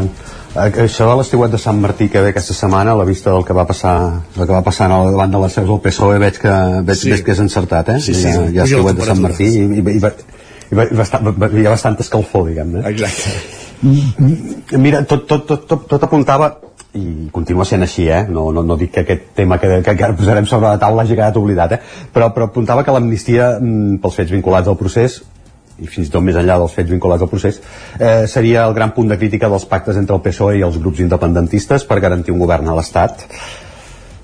Tot, tot apuntava que seria això, però de dins del barret ha sortit el conill de la condonació de part del deute de la Generalitat. El dijous, que era quan es donava a conèixer aquest acord entre, entre el PSOE i Esquerra Republicana sí. mm, les anàlisis de tots els mitjans de Madrid apuntaven més cap al tema aquest de la condonació perquè diguem-ne que aquest de l'amnistia estava una mica com amortitzat ja, no? ja se n'havia parlat prou i on es fixaven més no, no eren el traspàs de, de rodalies no, co- coses que també afecten el dia a dia de la gent però potser des de Madrid no, no, no se n'adonen uh, doncs això, va sortir el tema de la condonació de part del deute, perquè la proposta de la part catalana era de tot el deute, però només una part, un 20%, no és poc. Eh, I això, eh, que, que, que dins d'aquests acords hagi aparegut la, el concepte de condonar part del deute català de, en, el deute català independentment que amb el afecti fons també altres comunitats eh? com que ja hi ha el català aquí hi ha Sí, sí, conflicte de, de, de fet, eh, no hi ha hagut el mateix soroll quan qui ha arribat a un acord similar ha sigut el BNG, el, el, el Bloc Nacionalista Gallec, per al deute de, Gal de Galícia. Moltes vegades quan apareix la paraula Catalunya eh, creix una mica l'excitació. Eh? una mica Seria condonar part del deute català amb el fons de liquiditat autonòmic, no tot el deute català amb l'Estat, amb el fons de liquiditat autonòmic, eh, amb pels amics. És que parlem tota l'estona de FLA i així ja, ja, ja deixem clar que es diu Fons de Liquiditat Autonòmic. I tot això eh, ha estat percebut com un greuge en altres latituds i longituds de l'Estat, eh? vull dir, això ha anat de sud a nord i també d'est a oest. Eh? Eh, tot ha estat percebut com un greuge. Les anàlisis sempre han estat crítiques i contenen algunes veritats, algunes mitges veritats i algunes grans, grans trampes. Eh, del que es tracta és de determinar quin d'aquests graus ha de presidir primordialment les anàlisis. Eh? Eh, si les veritats, si les mitges veritats o les grans trampes que en alguns casos també s'han sentit. Expliquem una mica què és el Fons de Liquiditat Autonòmic. Eh, Això va ser una mesura ideada pels governs del Partit Popular quan Mariano Rajoy era president i Cristóbal Montoro estava de, de sinistre, de ministre d'Hisenda, de, d'Hisenda, i eh, la decisió es va prendre en el període més profund de la crisi financera, eh? 2008-2014, diguem-ne, diguem, doncs 2012, en un moment de gra gravíssimes dificultats de finançament, doncs les comunitats autònomes tenien moltíssimes dificultats per accedir als mercats. El deute de l'Estat ja llavors tenia mala premsa, el de les comunitats autònomes estava directament tancat, eh, no, no, no, no hi havia cap dubte.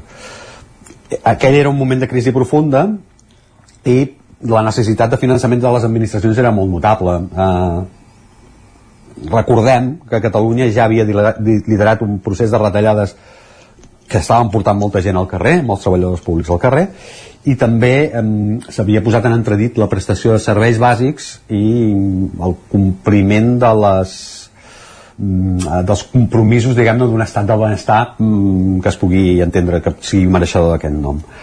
Eh, llavors, el, el FLA el que va fer va ser donar un respir mm, a canvi de disparar per una banda el deute general del govern català i per l'altra la dependència del mateix govern català i de tota la Generalitat i de tot Catalunya de l'Estat. De fet, ara mateix, un 80% del deute de la Generalitat està en mans de l'Estat, 80%. Es poden adduir moltes raons per les quals Catalunya s'ha convertit, en termes absoluts, en la comunitat autònoma més endeutada. Uh, per una banda, s'argumenta mm, que l'infrafinançament a què ha estat sotmès a Catalunya durant anys ofega les opcions de poder prestar serveis i, per tant, mm, no molta necessitat de diners per poder-los prestar. No? En el cas català, més, es presten més serveis que altres comunitats perquè, volgudament, s'ha decidit que el govern assumeixi més competències, el govern català assumeixi més competències. I aquí hi ha un- una primera mitja veritat. Amb 73.310 milions d'euros, Catalunya és la comunitat més endeutada en el sistema del FLA. Sí, això és cert, però caldria posar aquest deute en relació als habitants, al pes del PIB o als serveis que el govern està disposat a prestar. En relació al nombre d'habitants, Catalunya ja no és la que deu més diners pels préstecs a través del FLA, perquè li passa al davant el País Valencià, tot i que és cert que es troba en posicions molt capdavanteres. Es dona la circumstància que tant Catalunya com el País Valencià són dues de les comunitats que més insistentment reclamen una revisió del sistema de finançament perquè se senten especialment maltractades pels resultats de l'actual. Resultats de l'actual, l'actual, pendent de revisió des de fa 9 anys. Eh? És una cosa que això, diguem-ne, s'hauria d'anar repetint. Eh? Portem eh, escandalitzant-nos perquè el Consell General del Poder Judicial, que és un poder molt important de l'Estat, porta 5 anys, doncs això porta 9. Eh? I el més calent a l'aigüera. En relació al PIB, eh, el País Valencià ja supera Catalunya en 11 punts percentuals. 45%, no, dic malament, 43% si no vaig errat el País Valencià, 32% Catalunya.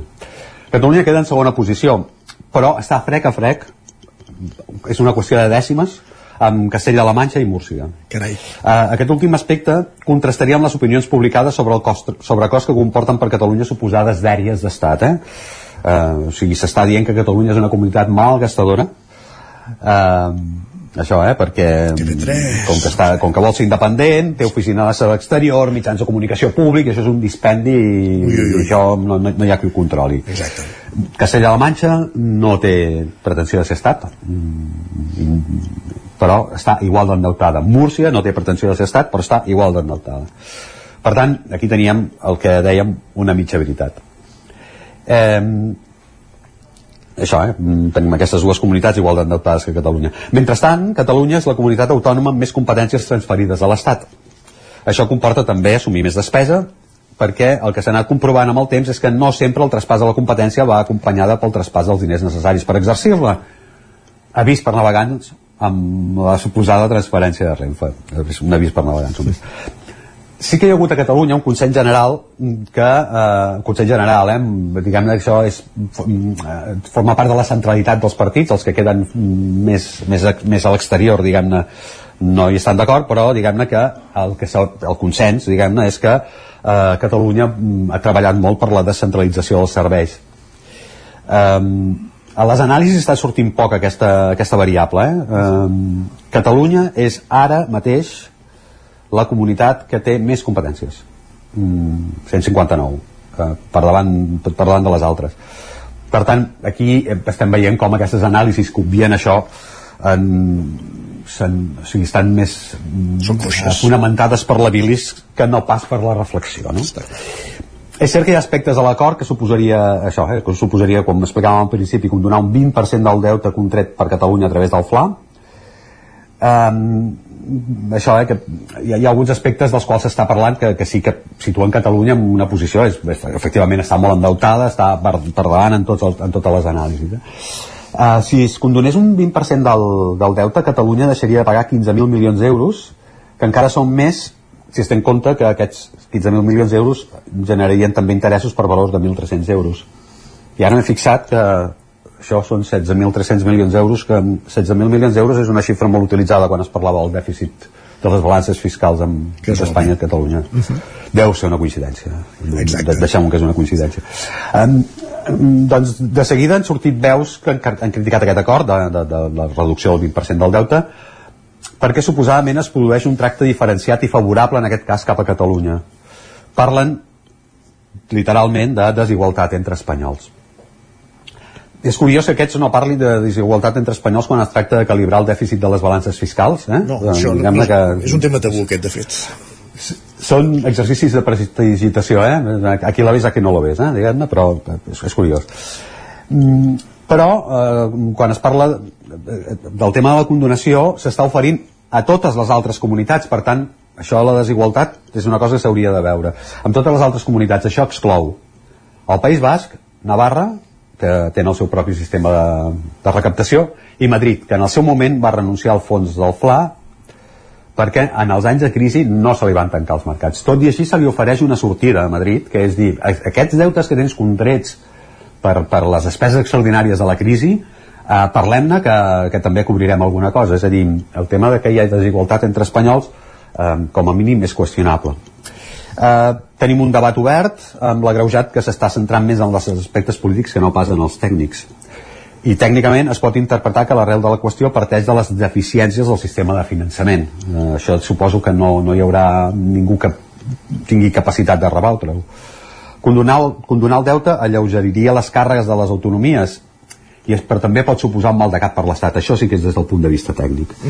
De fet, l'Estat corre el risc de perdre credibilitat davant, del, del, davant dels mercats. És a dir, tu has demanat uns diners als mercats per poder finançar les autonomies i en aquest senyor que li has demanat di- diners li estàs dient, bueno, però ara els hi perdonaré eh, una part d'aquest deute. Clar, no, diguem-ne que això mm, és un cop a la línia de flotació de, de la credibilitat. Eh? Està clar. Um, de tota manera, tot això és resultat de no haver reformat el sistema de finançament eh, en el seu moment, eh? i això porta en aquest punt de no retorn. Estem parlant de que porta 9 anys de retard, però potser sí que caldrà donar-li una oportunitat a la revisió del model per veure si, eh, diguem-ne, tot, tot es posa una mica a lloc, no? Tot i que és evident que, que això seria el que seria de sentit comú, també és cert que des de l'òptica de Madrid tocar aquestes coses és, és gairebé posar-se una soga al coll, eh? veient les reaccions aquests dies que, que està havent-hi eh, aquests acords d'investidura. Sí, però una mica és el que, una mica és el que comentàvem al principi, eh? que si això s'hagués pactat amb Múrcia, Ui. que deu un 32% del PIB igual que, que Catalunya, um, diguem-ne, no hi hauria seria aquest soroll. És veritat, estem, estem parlant de 71.000 milions d'euros eh, que eh, posats un al costat de l'altre fan, Són diners. fan, pugen molt, eh? Però, però de tota manera sí que és veritat que al moment que surt Catalunya la variable, la, la bilis s'ex- s'ex- s'exacerba, s'ex- bueno, Es multiplica, per es multiplica per molt. Sí. Gràcies, Joan Carles, una setmana més. Gràcies a vosaltres, bon, dia. Nosaltres avancem al territori 17 després d'aquest comentari que ens feia avui en Joan Carles Arredondo. Ara fem una petitíssima pausa, però tornem ja de seguida. Tenim a punt en Guillem Sánchez amb les piolades del matí i després el podcast dels dimarts, el racó de pensar, amb la Maria López avui, embaràs i salut mental. 3 minuts i tornem. El nou FM, la ràdio de casa, al 92.8. La qualitat de les teves impressions és important per tu? Estàs cansat que els colors i les imatges no surtin com t'esperes? A Impremta Mater disposem de la tecnologia més avançada i els millors professionals per aconseguir impressions d'alta qualitat. Fem tota classe d'impresos amb acabats professionals. Llibres, catàlegs, revistes, tesis, calendaris, enquadernacions... I a més, disposem del servei d'impressió digital en gran format. Roll-ups, lones, pòsters i molt més. Impremta Mater. Ens trobaràs a la carretera de Sant Hipòlit 23 de Vic o impremtamater.com Ho han dit avui, el 9FM? Ai, no ho he pas sentit. Tot té solució. Recupera programes, seccions i entrevistes del 9FM al 9FM.cat. Des de ben petit tindré un somni que és obrir un restaurant. Han sortit moltíssims llibres. Et demanen dades que, per altra banda, l'administració ja hauria de tenir. I ja no com a ramadera, sinó com a ciutadans. Nosaltres intentem que tothom pugui marxar amb un croissant. Hi trobaràs també tots els nostres podcasts. L'infopodcast del 9-9, cada matí a partir de dos quarts de vuit. I comencem parlant d'un tema punyent. Persones que passen per moments de gran dolor. L'infopodcast del 9-9. La lupa d'Agustí Danés cada divendres. La lupa, Agustí Danés. Els aniversaris. Cada vegada vivim més anys i cada vegada hi ha menys naixements. La combinació d'aquestes dues evidències distorsiona la piràmide d'edat. Paraula d'enfruns, el nostre podcast de llengua cada dimecres. Quan escoltem ho fem voluntàriament i en canvi sentir, podem sentir moltes coses encara que nosaltres no ho vulguem. Bruixes del dia, el podcast de dones i bruixes de Laura Centelles i Maria Saladic. Estàs escoltant Bruixes del dia. La meva relació amb la mort és totalment diferent, perquè jo morts, diguéssim, físiques d'un cos, n'he vist crec que una a la meva vida. Feeling the Cinc, l'actualitat de casa nostra en anglès. Hello and welcome to Filling the Sink, a podcast from Catalan News. My name is Lucía I també tots els relats finalistes del concurs de narrativa curta del 9-9. He despertat a mig de la foscor. Tinc la boca seca i els ulls El 9fm.cat, la ràdio en línia i els podcasts del 9FM. Cada dimarts a les 11 de la nit, al 9 FM, repàs de l'actualitat esportiva a la banqueta. El 9FM, el 9FM, el 9FM, el 9FM. Ara mateix al 9 FM, dos quarts d'onze del matí.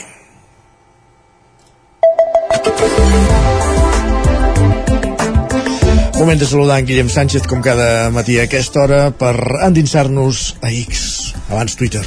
No ho sé dir a X encara jo. No... X. X. No, no ho sé dir. Direm sempre Twitter. Elegante les palmes. Aquesta és bona també. Va. Com estàs, bé? Jo bé, i tu?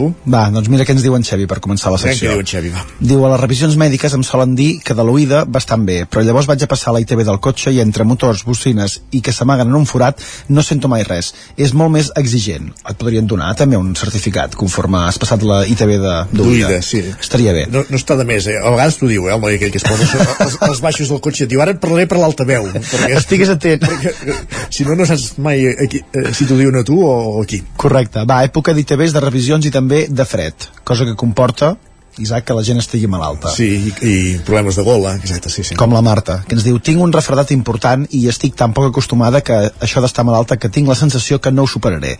Com que no he deixat herència perquè no tinc res excepte els meus llibres, ja us organitzeu i us poseu d'acord per repartir-vos-els, oi? Diu, ha estat un plaer.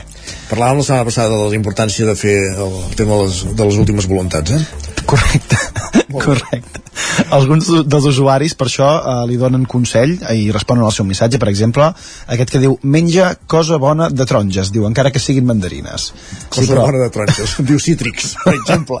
Però si ja estàs refredat, ajuda? O esclar, sempre hi contribueix. Sempre. Sempre és bo. Sí, home, sí. Val, i la Maria té una pregunta vinculada amb el fred. Ens diu, la gent que va amb anoracs North Face, amb què s'abrigaran a ple hivern? Uh, que vagis amb el que vulgui. Amb el que considerin, no? I aquí s'ha obert per això... Face, potser és un North Face de pluma prima ja té el de pluma gruixuda per d'aquí unes setmanes. És que s'hi ha obert un petit debat aquí, Isaac. Ja, ja. La Núria ens diu Jaja, n'hi ha que tenim molt fred, Maria. A Barraques no em va fer gens de nosa. Aquesta és una. Sí. I en Juanma que ho argumenta de la següent manera. Diu, Els plomons, North Face o no, són una meravella que no fan calor, sinó que atrapen bombolles d'aire a les plomes i tu t'escalfes amb la teva escalfor corporal, el més semblant a un termo, tecnologia dels ocells, així que no depèn de la temperatura de fora. Diu, per a mi, pura vida pura vida. Uh, de fet, només cal veure uh, en un lloc de treball que hi hagi 3-4 persones les diferències uh, de temperatura corporal. Correcte. O sigui que no cal gaire lluny. Va. I no sé si estàs d'acord amb aquesta afirmació de l'Estela, que ens diu avui, diu, fer-se gran és començar a preferir anar menys guapa però no passar fred. Això cadascú. Jo no passo fred mai. Exacte. Em faci gran o sigui jove. Prioritzes això, eh? Perquè a tu t'agrada el fred, Isaac? Uh, el suporto més que la calor, deixem-ho així. Ho dic perquè alguns dels usuaris els encanta per qüestions com aquestes. Ens diuen, una de les poques coses que m'agrada del fred és que em puc tornar a dutxar amb la temperatura òptima de l'aigua. Diu, a punt d'ebullició. Ai. Això és un gran debat també, eh? Sí. De si aigua calenta, evidentment, per dutxar-se a l'hivern sí, però a l'estiu també hi ha gent que no suporta dutxar-se amb aigua, amb aigua freda. No sé què dir, eh? No sé què dir. Va, aquests dies l'Ariana està obsequiant-nos també amb una sèrie de missatges de petits plaers que ens porta la tardor. Fixeu-vos Sí. en el d'avui, va. Digues. Diu plaer número 14. Poder dinar tranquil·lament sense aquella mosca pesada, amb poques ganes de volar i poder dormir a les nits sense els mosquits. Doncs jo dic que aquella mosca la tenia per casa, eh? I jo crec que per aquí a la feina encara en corre una també, una que va voltant pels diferents llocs de la Molt bé. redacció. I la gent se suma a respondre amb comentaris com el següent, ens diuen anar a fer el cafè pretreball al bar on tenen la brasa encesa. Diu, petit plaer aplicable de novembre a febrer. Sí, perquè hi vas a l'agost, nano. I tot i que ahir ja vam entrar-hi una mica en qüestions futbolístiques, Isaac, Sí? res, un missatge, va, que vull destacar d'en Joel, a veure què en penses. Diu, content perquè un equip de futbol català que no és ni el Barça ni l'Espanyol està arribant lluny. Diu, però preocupat perquè l'ego gironí encara serà més insuportable. Però Girona més, que deia aquella. Però Girona més. Gràcies, Guillem. Va, ens escoltem demà. Adéu-siau.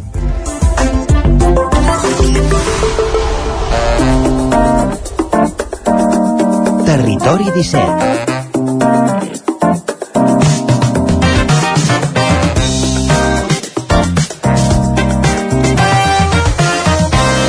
I moment del Territori Podcast, el racó de pensar. Avui la Maria López l'ha titulat Embaràs i Salut Mental. Benvinguda, Maria. L'embaràs és un període de la vida de les dones caracteritzat per una transformació extraordinària. És un moment de gran expectació i alhora d'importants ajustos i canvis notables, tant físics com emocionals. El benestar de la mare i, per extensió, del nadó es converteixen en una absoluta prioritat i mèdicament s'engega tot un engranatge de controls periòdics per tal de fer que no faci res fins l'arribada del nadó. Malauradament, però, sembla que la salut mental és una de les grans oblidades quan comença aquesta fase tan emocionant. De fet, es calcula que una de cada cinc dones tindrà un trastorn mental al llarg de la gestació i o postpart. La salut mental de la dona gestant influeix en la marxa de l'embaràs, en el seu benestar, en el del nadó i en el vincle que es pugui desenvolupar després. Tot i així, la falta de prevenció o la interrupció de tractaments previs en casos de patologies fa que esdevingui encara més crucial posar el focus en la salut mental durant aquesta etapa. I és que les emocions, l'ansietat, la depressió i altres factors poden tenir un impacte significatiu en l'experiència de l'embaràs i en el futur benestar de la mare i el nadó. Però dins de tot aquest engranatge mèdic que comença a funcionar automàticament amb l'embaràs, està contemplada també la salut mental? Com podem prevenir trastorns durant aquest període un cop nascuda la criatura? Quin suport mèdic tenim en tot aquest procés, nosaltres, les dones? Què passa en els casos on existeixen patologies prèvies? Us parla de Maria López i això és El racó de pensar.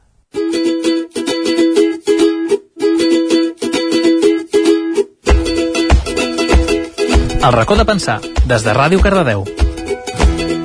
I per parlar d'embaràs i més concretament de l'acompanyament emocional durant l'embaràs, avui ens acompanya la doctora Anna Osés. Ella és metge psiquiatra especialitzada en l'etapa perinatal, és a dir, en l'acompanyament de les parelles que estan en les diferents etapes que engloben la recerca de l'embaràs, gestació, postpart, la malaltia mental com l'ansietat o la depressió i els casos de pèrdues perinatals. Bon dia i moltíssimes gràcies per acompanyar-nos avui.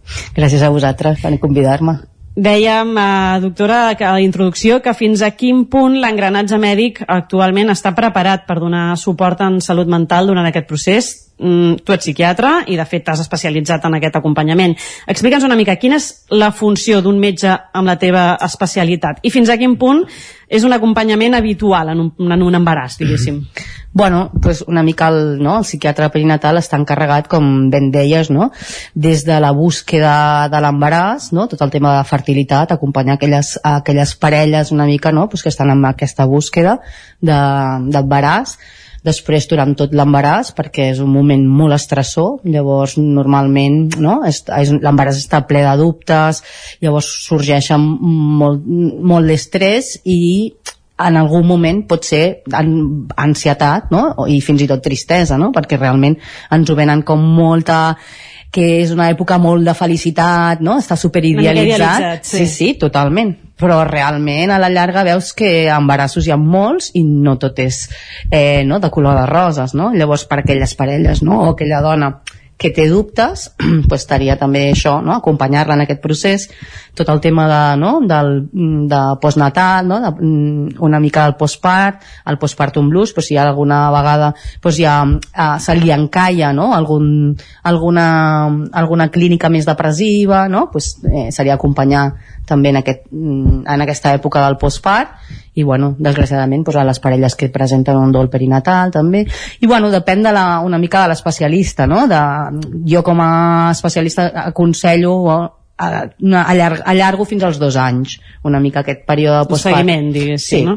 Hi ha certa pressió social, no?, també en el sentit de que sembla que, que l'embaràs hagi, una mica ho deixaves entreveure ara, no?, aquesta de ser tot perfecte, tot preciós i com que és la millor cosa que et pot passar i llavors un se sent culpable, no?, quan no és així del tot. Exacte, no? Una mica més, eh, jo crec que les xarxes socials ens han ajudat molt amb la informació que rebem, però després hi ha moltes comparacions, no?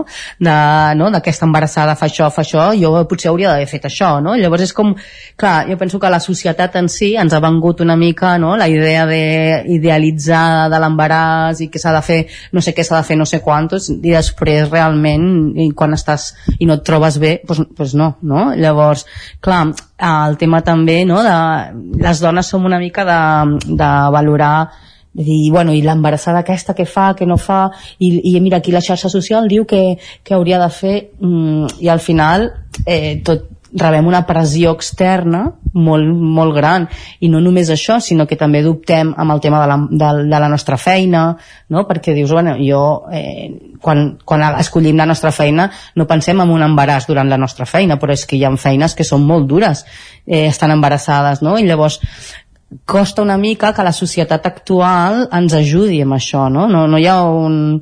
a l'hora de dir uh, bueno, aquesta dona podrà fer la seva feina quan estigui embarassada o hi ha alguns recursos eh, a nivell laboral per aquesta dona, no? Al Mhm. final agafem, hem d'agafar la baixa per, perquè hem acabat patant, no? Però falta una miqueta el, la conscienciació general una mica de que l'embaràs és una època vulnerable Mhm. no? i tant a nivell físic com a nivell emocional no? perquè eh, durant l'embaràs hi ha molta eh, consulta física amb el gine, amb la matrona Sí, és com que això es dona per fet, no? I en canvi, què passa amb aquesta altra part? Exacte. I llavors la salut mental està molt oblidada i és super important, no? Hi ha hagut algun estudi, per exemple, últimament hi ha hagut l'estudi que han col·laborat Clínic i Sant Jan de Déu on, on surt, no? Que, una, que la dona eh, que aliment, amb alimentació mediterrània, reducció d'estrès, han vist que influeix en el nadó, inclús fins, o sigui, han fet un estudi als dos anys en el neurodesenvolupament del nadó. O sigui, que com em trobo jo influeix molt amb el nadó.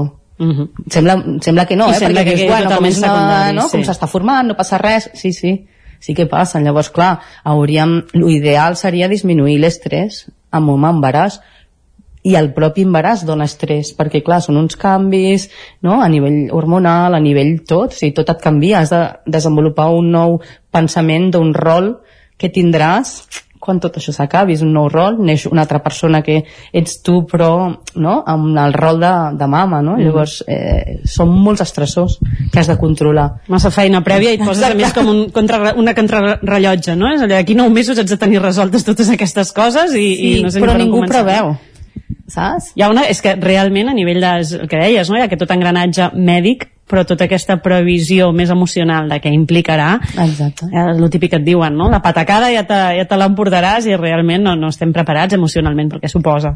Clar, però per exemple, una gran prevenció de les depressions postpart seria això, seria eh, intentar prèviament planificar o no, o la gent, per exemple, no, que té ja una patologia, que té molt d'estrès abans de l'embaràs, doncs aquesta gent hauria de planificar un embaràs, de dir, uf, mm, m'haig d'organitzar perquè és un moment important de la teva vida Mhm. I, i llavors no és tan així, no? Però sí que és veritat, tan organitzada, planificar, a veure quan, quan no, tampoc seria, no? Però entén-me, no? Em poso la gent del part, esquetes, no? Espera, no? Però entén-me una mica, no? No li donem importància i, i sí, perquè llavors, no? Un estressor tan important durant l'embaràs, pues, no? A la llarga també té més risc de- d'una depre postpart, de, de que portis un, un postpart pues, pitjor, no? Mhm. Llavors has d'intentar això, prevenir En el teu cas, com a psiquiatra especialitzada en aquest tema, quin és, quins són els casos més habituals que et trobes aquí? Quan, quan ve la gent a visitar-te i, i se n'adona que necessita d'alguna manera aquest seguiment?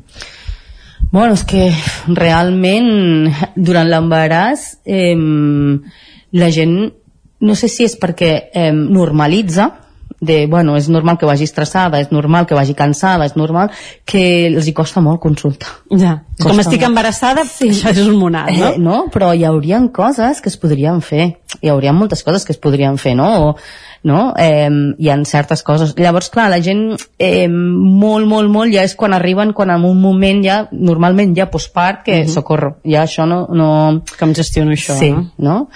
Però costa a vegades, no?, el tenir aquesta idea de m'haig de cuidar, no? Perquè eh, més a nivell emocional, eh? perquè sí, tothom sap que, que haig de fer una miqueta d'esport, haig de cuidar-me l'alimentació, sí que ho tenen ja molt per la mà les embarassades, perquè m'aixaquen molt les, no? la, la, les gines i les matrones de dir, bueno, això no es pot menjar, no? tothom sap que no es pot menjar el pernil, tothom... però hi ha certes coses que dius, ostres, no cuiden. I, i clar, no, ja no, quan arriben, arriben les que estan ja malament, no? Mhm. ja, ja estan com molta angoixa, amb molt, no? I el que és important també és que jo crec que la gent té por amb, perquè antigament s'havia dit que durant l'embaràs no es podia prendre tractament, no? Mhm. I no és real, vull dir, hi ha estudis ara, molts, hi ha més estudis amb la qual si realment s'ha de, de medicar, podem ajudar amb la medicació. Es poden fer també altres teràpies, o sigui, realment pots fer psicoteràpia, pots fer altres coses que, que hi ha evidència de que funcionen. Però hi ha gent, suposo, que té por a certes coses i llavors no, no acaba consultant per si, i si, no? però actualment es pot tractar durant l'embaràs, és important, no? Per exemple, totes aquestes persones que ja prenen tractament previ, eh, hi ha molts metges que encara no estan actualitzats i els hi recomanen deixar-ho. I, I hem vist que si ho deixen hi ha un risc de recaiguda del 80%. Sí, una xifra molt elevada. Clar, llavors ens hem d'actualitzar perquè hem d'evitar aquest, aquest, aquestes recaigudes perquè una recaiguda durant l'embaràs és molt dura de portar. Llavors, clar, eh, la gent ha de saber que es pot fer un tractament eh, sempre individualitzant els casos, no? I per això estem una mica als psiquiatres perinatals d'intentar veure, no? Eh, preguntem per antecedents, preguntem per, per moltes coses abans de decidir què fem amb aquesta medicació. Però es pot. Si, en, si ens centrem una mica en tema fàrmacs, que ara, que ara et treies, eh, veig com dues mm, vessants, no? Una és fins a quin punt una persona que arrel de l'embaràs desenvolupa algun tipus d'angoixa, depressió, etc. fins a quin punt aquesta persona pot començar a, a introduir fàrmacs i una altra situació molt diferent és la gent que ja està rebent un, un tractament amb una patologia anterior, això, no? Fins a quin punt hi ha tendència a, al que deies, no? Pel que s'ha dit sempre, i ens aparto tota la medicació i, i de cop la liem, no? Mhm. Són dos casos molt diferents, però, per exemple, anem al primer. Eh, eh, Una persona que està que arrel de l'embaràs desenvolupa algun tipus de, de trastorns, depressió, etc, pot començar a prendre fàrmacs? Sí, sí, sí. Podria començar, si és el cas, perquè és això, hem de fer sempre una balança risc-benefici, no? Eh, com s'ha vist que l'estrès matern també influeix amb el nadó, que és el que t'estava dient abans, no? que hi ha estudis actuals que, que, que són molt bons i que ho, i que ho, poden, ho, po ho poden medir. Llavors, com se sap també que l'estrès matern eh, influeix, llavors has de fer un risc-benefici de què pot empitjorar, o sigui, què pot anar malament amb la medicació, què, què pot anar bé, no? Eh, I hem de fer com una mica de, una, una entrevista psicopatològica una mica i, i, i en general per saber eh, això, no? I és també molt important a a quina alçada de l'embaràs passa no és, el mateix, no és el mateix el primer trimestre que l'últim, perquè l'últim ja estarà format el bebè. Llavors, uh -huh. hi ha molta part de teratogènia, de, del desenvolupament del nadó, que això ja no, sí, és un risc que ja no el tenim, perquè ja està format. Llavors, en, explorem diferents coses, però actualment sí que se'n dona fàrmacs, perquè és això, o sigui, l'estrès mateix també perjudica. Llavors, sempre fem balança, què perjudica més, com està la pacient o el que em podria arribar a passar amb un 1% amb aquesta medicació que jo poso. Clar, versus un 1% amb tal i com està, que no pot fer la seva vida o, per, o està tota l'estona no, capficada i no acaba de disfrutar de l'embaràs pues, que, no? Llavors fem no, això. Valorar cada cas. Exacte, però es pot, es pot perfectament. Plantejava el cas en el que una persona desenvolupa eh, un tipus de trastorn arrel de l'embaràs, en els casos en què hi ha medicació prèvia, doncs encara més, no? Entenc que, que hauria d'haver una regulació. Hi ha tendència a apartar-los? Una persona que té algun tipus de trastorn, que ja està prenent antidepressius el moment en què es queda embarassada, teniu constància si hi ha tendència a dir, doncs ara no prenc res? Que... Sí, sí, sí, sí. Totalment. bueno, totalment. totalment, tant per la mateixa pacient com pels per metges que no s'han actualitzar, perquè és que és el que ens envien... O sigui, jo quan vaig estudiar la carrera és el que se'm deia de, no? no hi ha estudis, millor sense. Millor que no prenguin Clar, però no, no és així, no? Perquè ara ja sí que hi ha més estudis, ja s'ha vist que no... Hi ha, ara hi ha molta, moltes embarassades amb tractament. Clar, l'estudi dels fàrmacs és molt complicat a les embarassades perquè entrem en un tema ètic que llavors l'estudi, um, o sigui, no es poden fer estudis directes amb doble sec, depèn... per què? Perquè entres en un tema ètic, però ara hi ha estudis perquè les mateixes embarassades han continuat prenent fàrmacs, llavors hi ha observacionals, mm -hmm. no? Aquestes que han passat amb aquestes, no? amb aquestes embarassades. Llavors, el tema és que eh, sí que veiem que la tendència és deixar-ho i per això hi ha hagut estudis de dir és que hi ha una recaiguda, o sigui, davant de la recaiguda les conseqüències són molt més greus no? llavors el que s'aconsella és bueno, anem a, a una especialista amb això que valori si ho hem de deixar o no seria el consell, no? De dir, vale, jo ho vull deixar perquè jo eh, estic estabilitzada de la meva depressió des de fa, no sé, dos mesos bueno, doncs vaig a un psiquiatre perinatal que valori si ho puc deixar amb seguretat o no ho puc deixar amb seguretat. Clar, evidentment, el millor, millor, millor ideal és fer un embaràs sense, sense fàrmacs, mm -hmm. perquè és un risc que no, que no afegeixes. Mm -hmm però clar, hem de veure no? fins a quin cas. exacte, llavors l'ideal evidentment de dir, bueno jo ho podria deixar o no ho podria deixar bueno, i si ho deixo, com ho deixo aquests fàrmacs perquè no, sem no tots es deixen iguals no?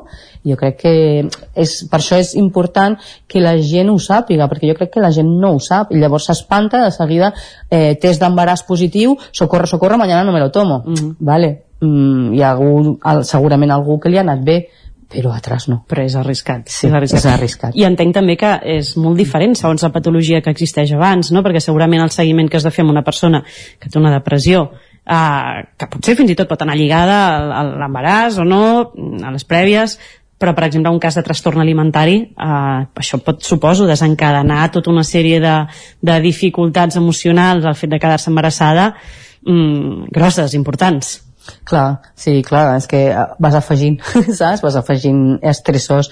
Clar, en aquest cas, per exemple, sí, depèn de la patologia, el que s'hauria de fer és unes visites com molt més continuades, perquè clar, evidentment dius, vale, pues, eh, aquesta persona vol retirar la medicació, pues, vale, pues, o no, però amb un, per exemple, un trastorn alimentari pues, hauries de, de fer unes visites com molt més eh, a prop per si de cas no? hi, ha, hi ha alguna alteració o hi ha, es descompensa per alguna altra banda, no?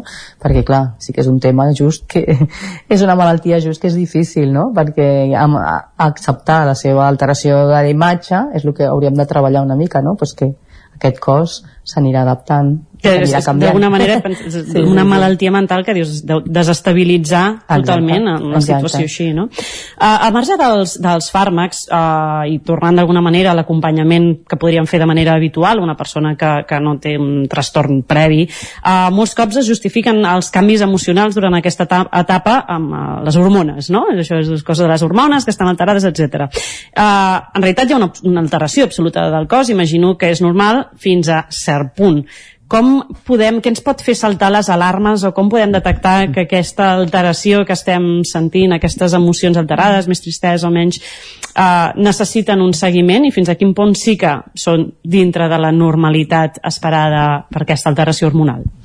Clar, jo crec que una de les coses que et detecta més és això, és quan, quan bueno, el més, més, més és quan t'incapacita a fer la teva vida que feies abans, no? Mm. Quan, quan hi ha una cosa que et limita a fer la teva vida o que t'encalla molt i, i, i fa que, per exemple, eh, que tu feies una cosa i ara ja no la gaudeixes, ui, ui, com que no gaudeixo fent això, no? Què està passant, no? Exacte, no? O, per exemple, no? Que, clar, una cosa és, dius, bueno, és que, no, amb l'embaràs no tinc, tinc zero d'energia i tal. Bueno, una cosa és, vale, vaig, vaig sense energia i tal, però clar, quan t'impedeix fer una vida molt normal, doncs clar, hem de vigilar, no? O, o aquestes preocupacions, ja, no, les preocupacions són normals dintre de l'embaràs o dintre del postpart, però si no em deixen dormir, si, aquestes, si vaig al llit i trum, trum, trum, trum, trum, trum, trum, no? i passo hores amb aquesta preocupació enganxada i no hi ha manera de treure-me-la, no?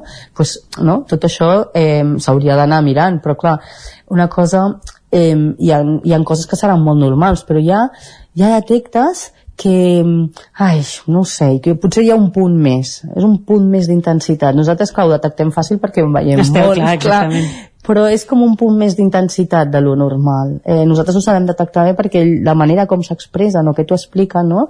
I, per exemple, una tristesa normal, normal, si, si és més de dues setmanes, doncs ja no seria tan normal saps? Una tristesa així franca o, o perdre la capacitat d'il·lusionar-te, no?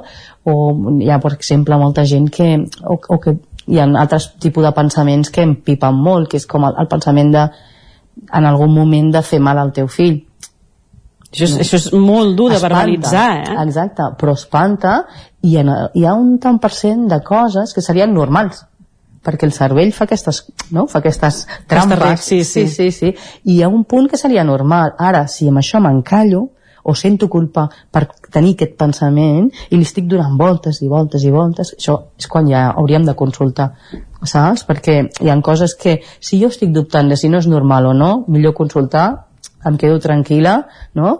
Però si no, és que és això, és, és anar eh, sobretot mirant si, si puc fer més o menys una vida mm, com la portàvem abans. Però segurament, eh, dic, eh, això ara em corregeix, es deu arribar molta gent que tant deveu pensar com ja fa uns mesos que hauries d'haver vingut, mm. com situacions de que els hi costi venir a explicar-ho perquè ara, per exemple, no, que posaves l'exemple de, del verbalitzar, ostres, és que mm, l'hagués escanyat, per dir-ho així. Això és una frase que les mares fem servir de manera habitual, però ja quan ho tens superat, no? Però sentir-ho així de veritat i verbalitzar-li a algú eh, és travessar una, una, un, un mur complicat. Clar, però per això és important visualitzar, o sigui, que donem, que donem veu, que, que la gent sàpiga que és normal perquè si no ho saps tens un sentiment de culpa brutal llavors eh, costa molt, igual amb la primera visita no t'ho diuen, però veus que hi ha alguna cosa, igual necessito dos o tres visites perquè t'expressin aquest pensament de, ostres, que he tingut el pensament, no? De, de, de... I me l'estimo moltíssim. I tu dius, sí, sí, sí, és que jo t'entenc. Eh, no, no et sentis culpable perquè és normal. I llavors se'ls allibera la culpa, no? Perquè dius, ah, Però aquella, aquella motxilla, Dic, sí, a, a vegades faig la pregunta directa, no t'espantis, et preguntaré alguna cosa que igual et sembla estranya, però jo te la pregunto, perquè clar, les mares que no ho han sentit diuen, ui, m'estàs preguntant en sèrio Sí, això? clar. Però la gent que ho ha sentit s'allibera. Ostres, pues sí, tens raó, però no, no m'atrevia.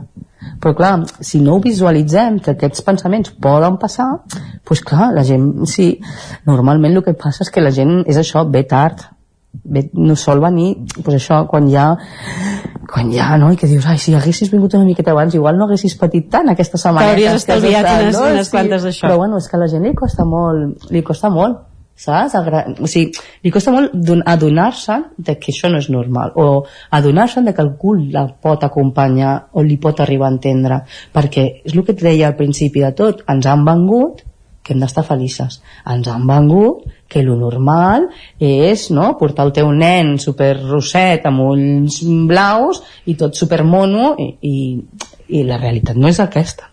O sigui, la realitat és que hi ha moltes embarassades que pateixen i que dubten i que, no? I que necessiten cert acompanyament només per dir, sí, ho estàs fent bé a vegades és només de dir, t'acompanyo i si tens algun dubte jo t'acompanyo. O sigui, no cal sempre anar a buscar la medicació o anar a buscar és senzillament de dir, sí, el que estàs tenint és normal.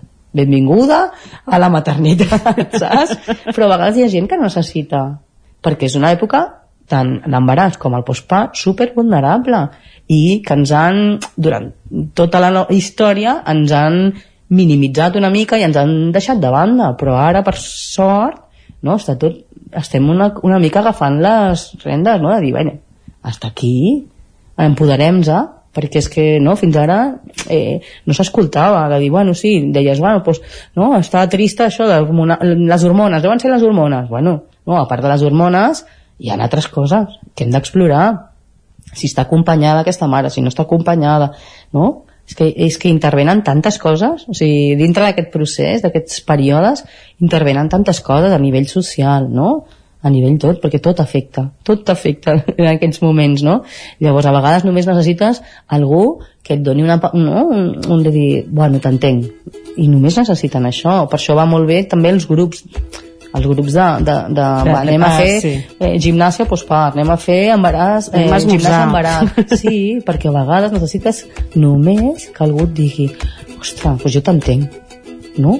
I dius, ai, mira, i només necessitem això, però si la gent que no ho rep va, va sumant, va sumant, va sumant estressors, va sumant estressors, i al final pot acabar, doncs això, patant. Doncs amb aquestes paraules de la doctora Océs i aquesta música que ens arriba de fons, arribem al final del racó de pensar d'avui. Moltíssimes gràcies, doctora, per haver-nos acompanyat avui. Ha estat un autèntic plaer. Gràcies a tu. I a tots i totes vosaltres que ens escolteu cada programa, gràcies per acompanyar-nos una setmana més al nostre raconet de pensar, on ens agrada donar-li la volta a tot, rumiar, qüestionar-nos, divulgar i al final aprendre una mica més. A tots i a totes us espero la setmana vinent amb un nou programa del racó de pensar. Ona Codinenca, Ràdio Cardedeu, Ràdio Vic i La Veu de Sant Joan, amb el suport de la xarxa. El Territori 17 també hi torna a partir de les 9. Fins aleshores, bon dimarts, gràcies per ser-hi.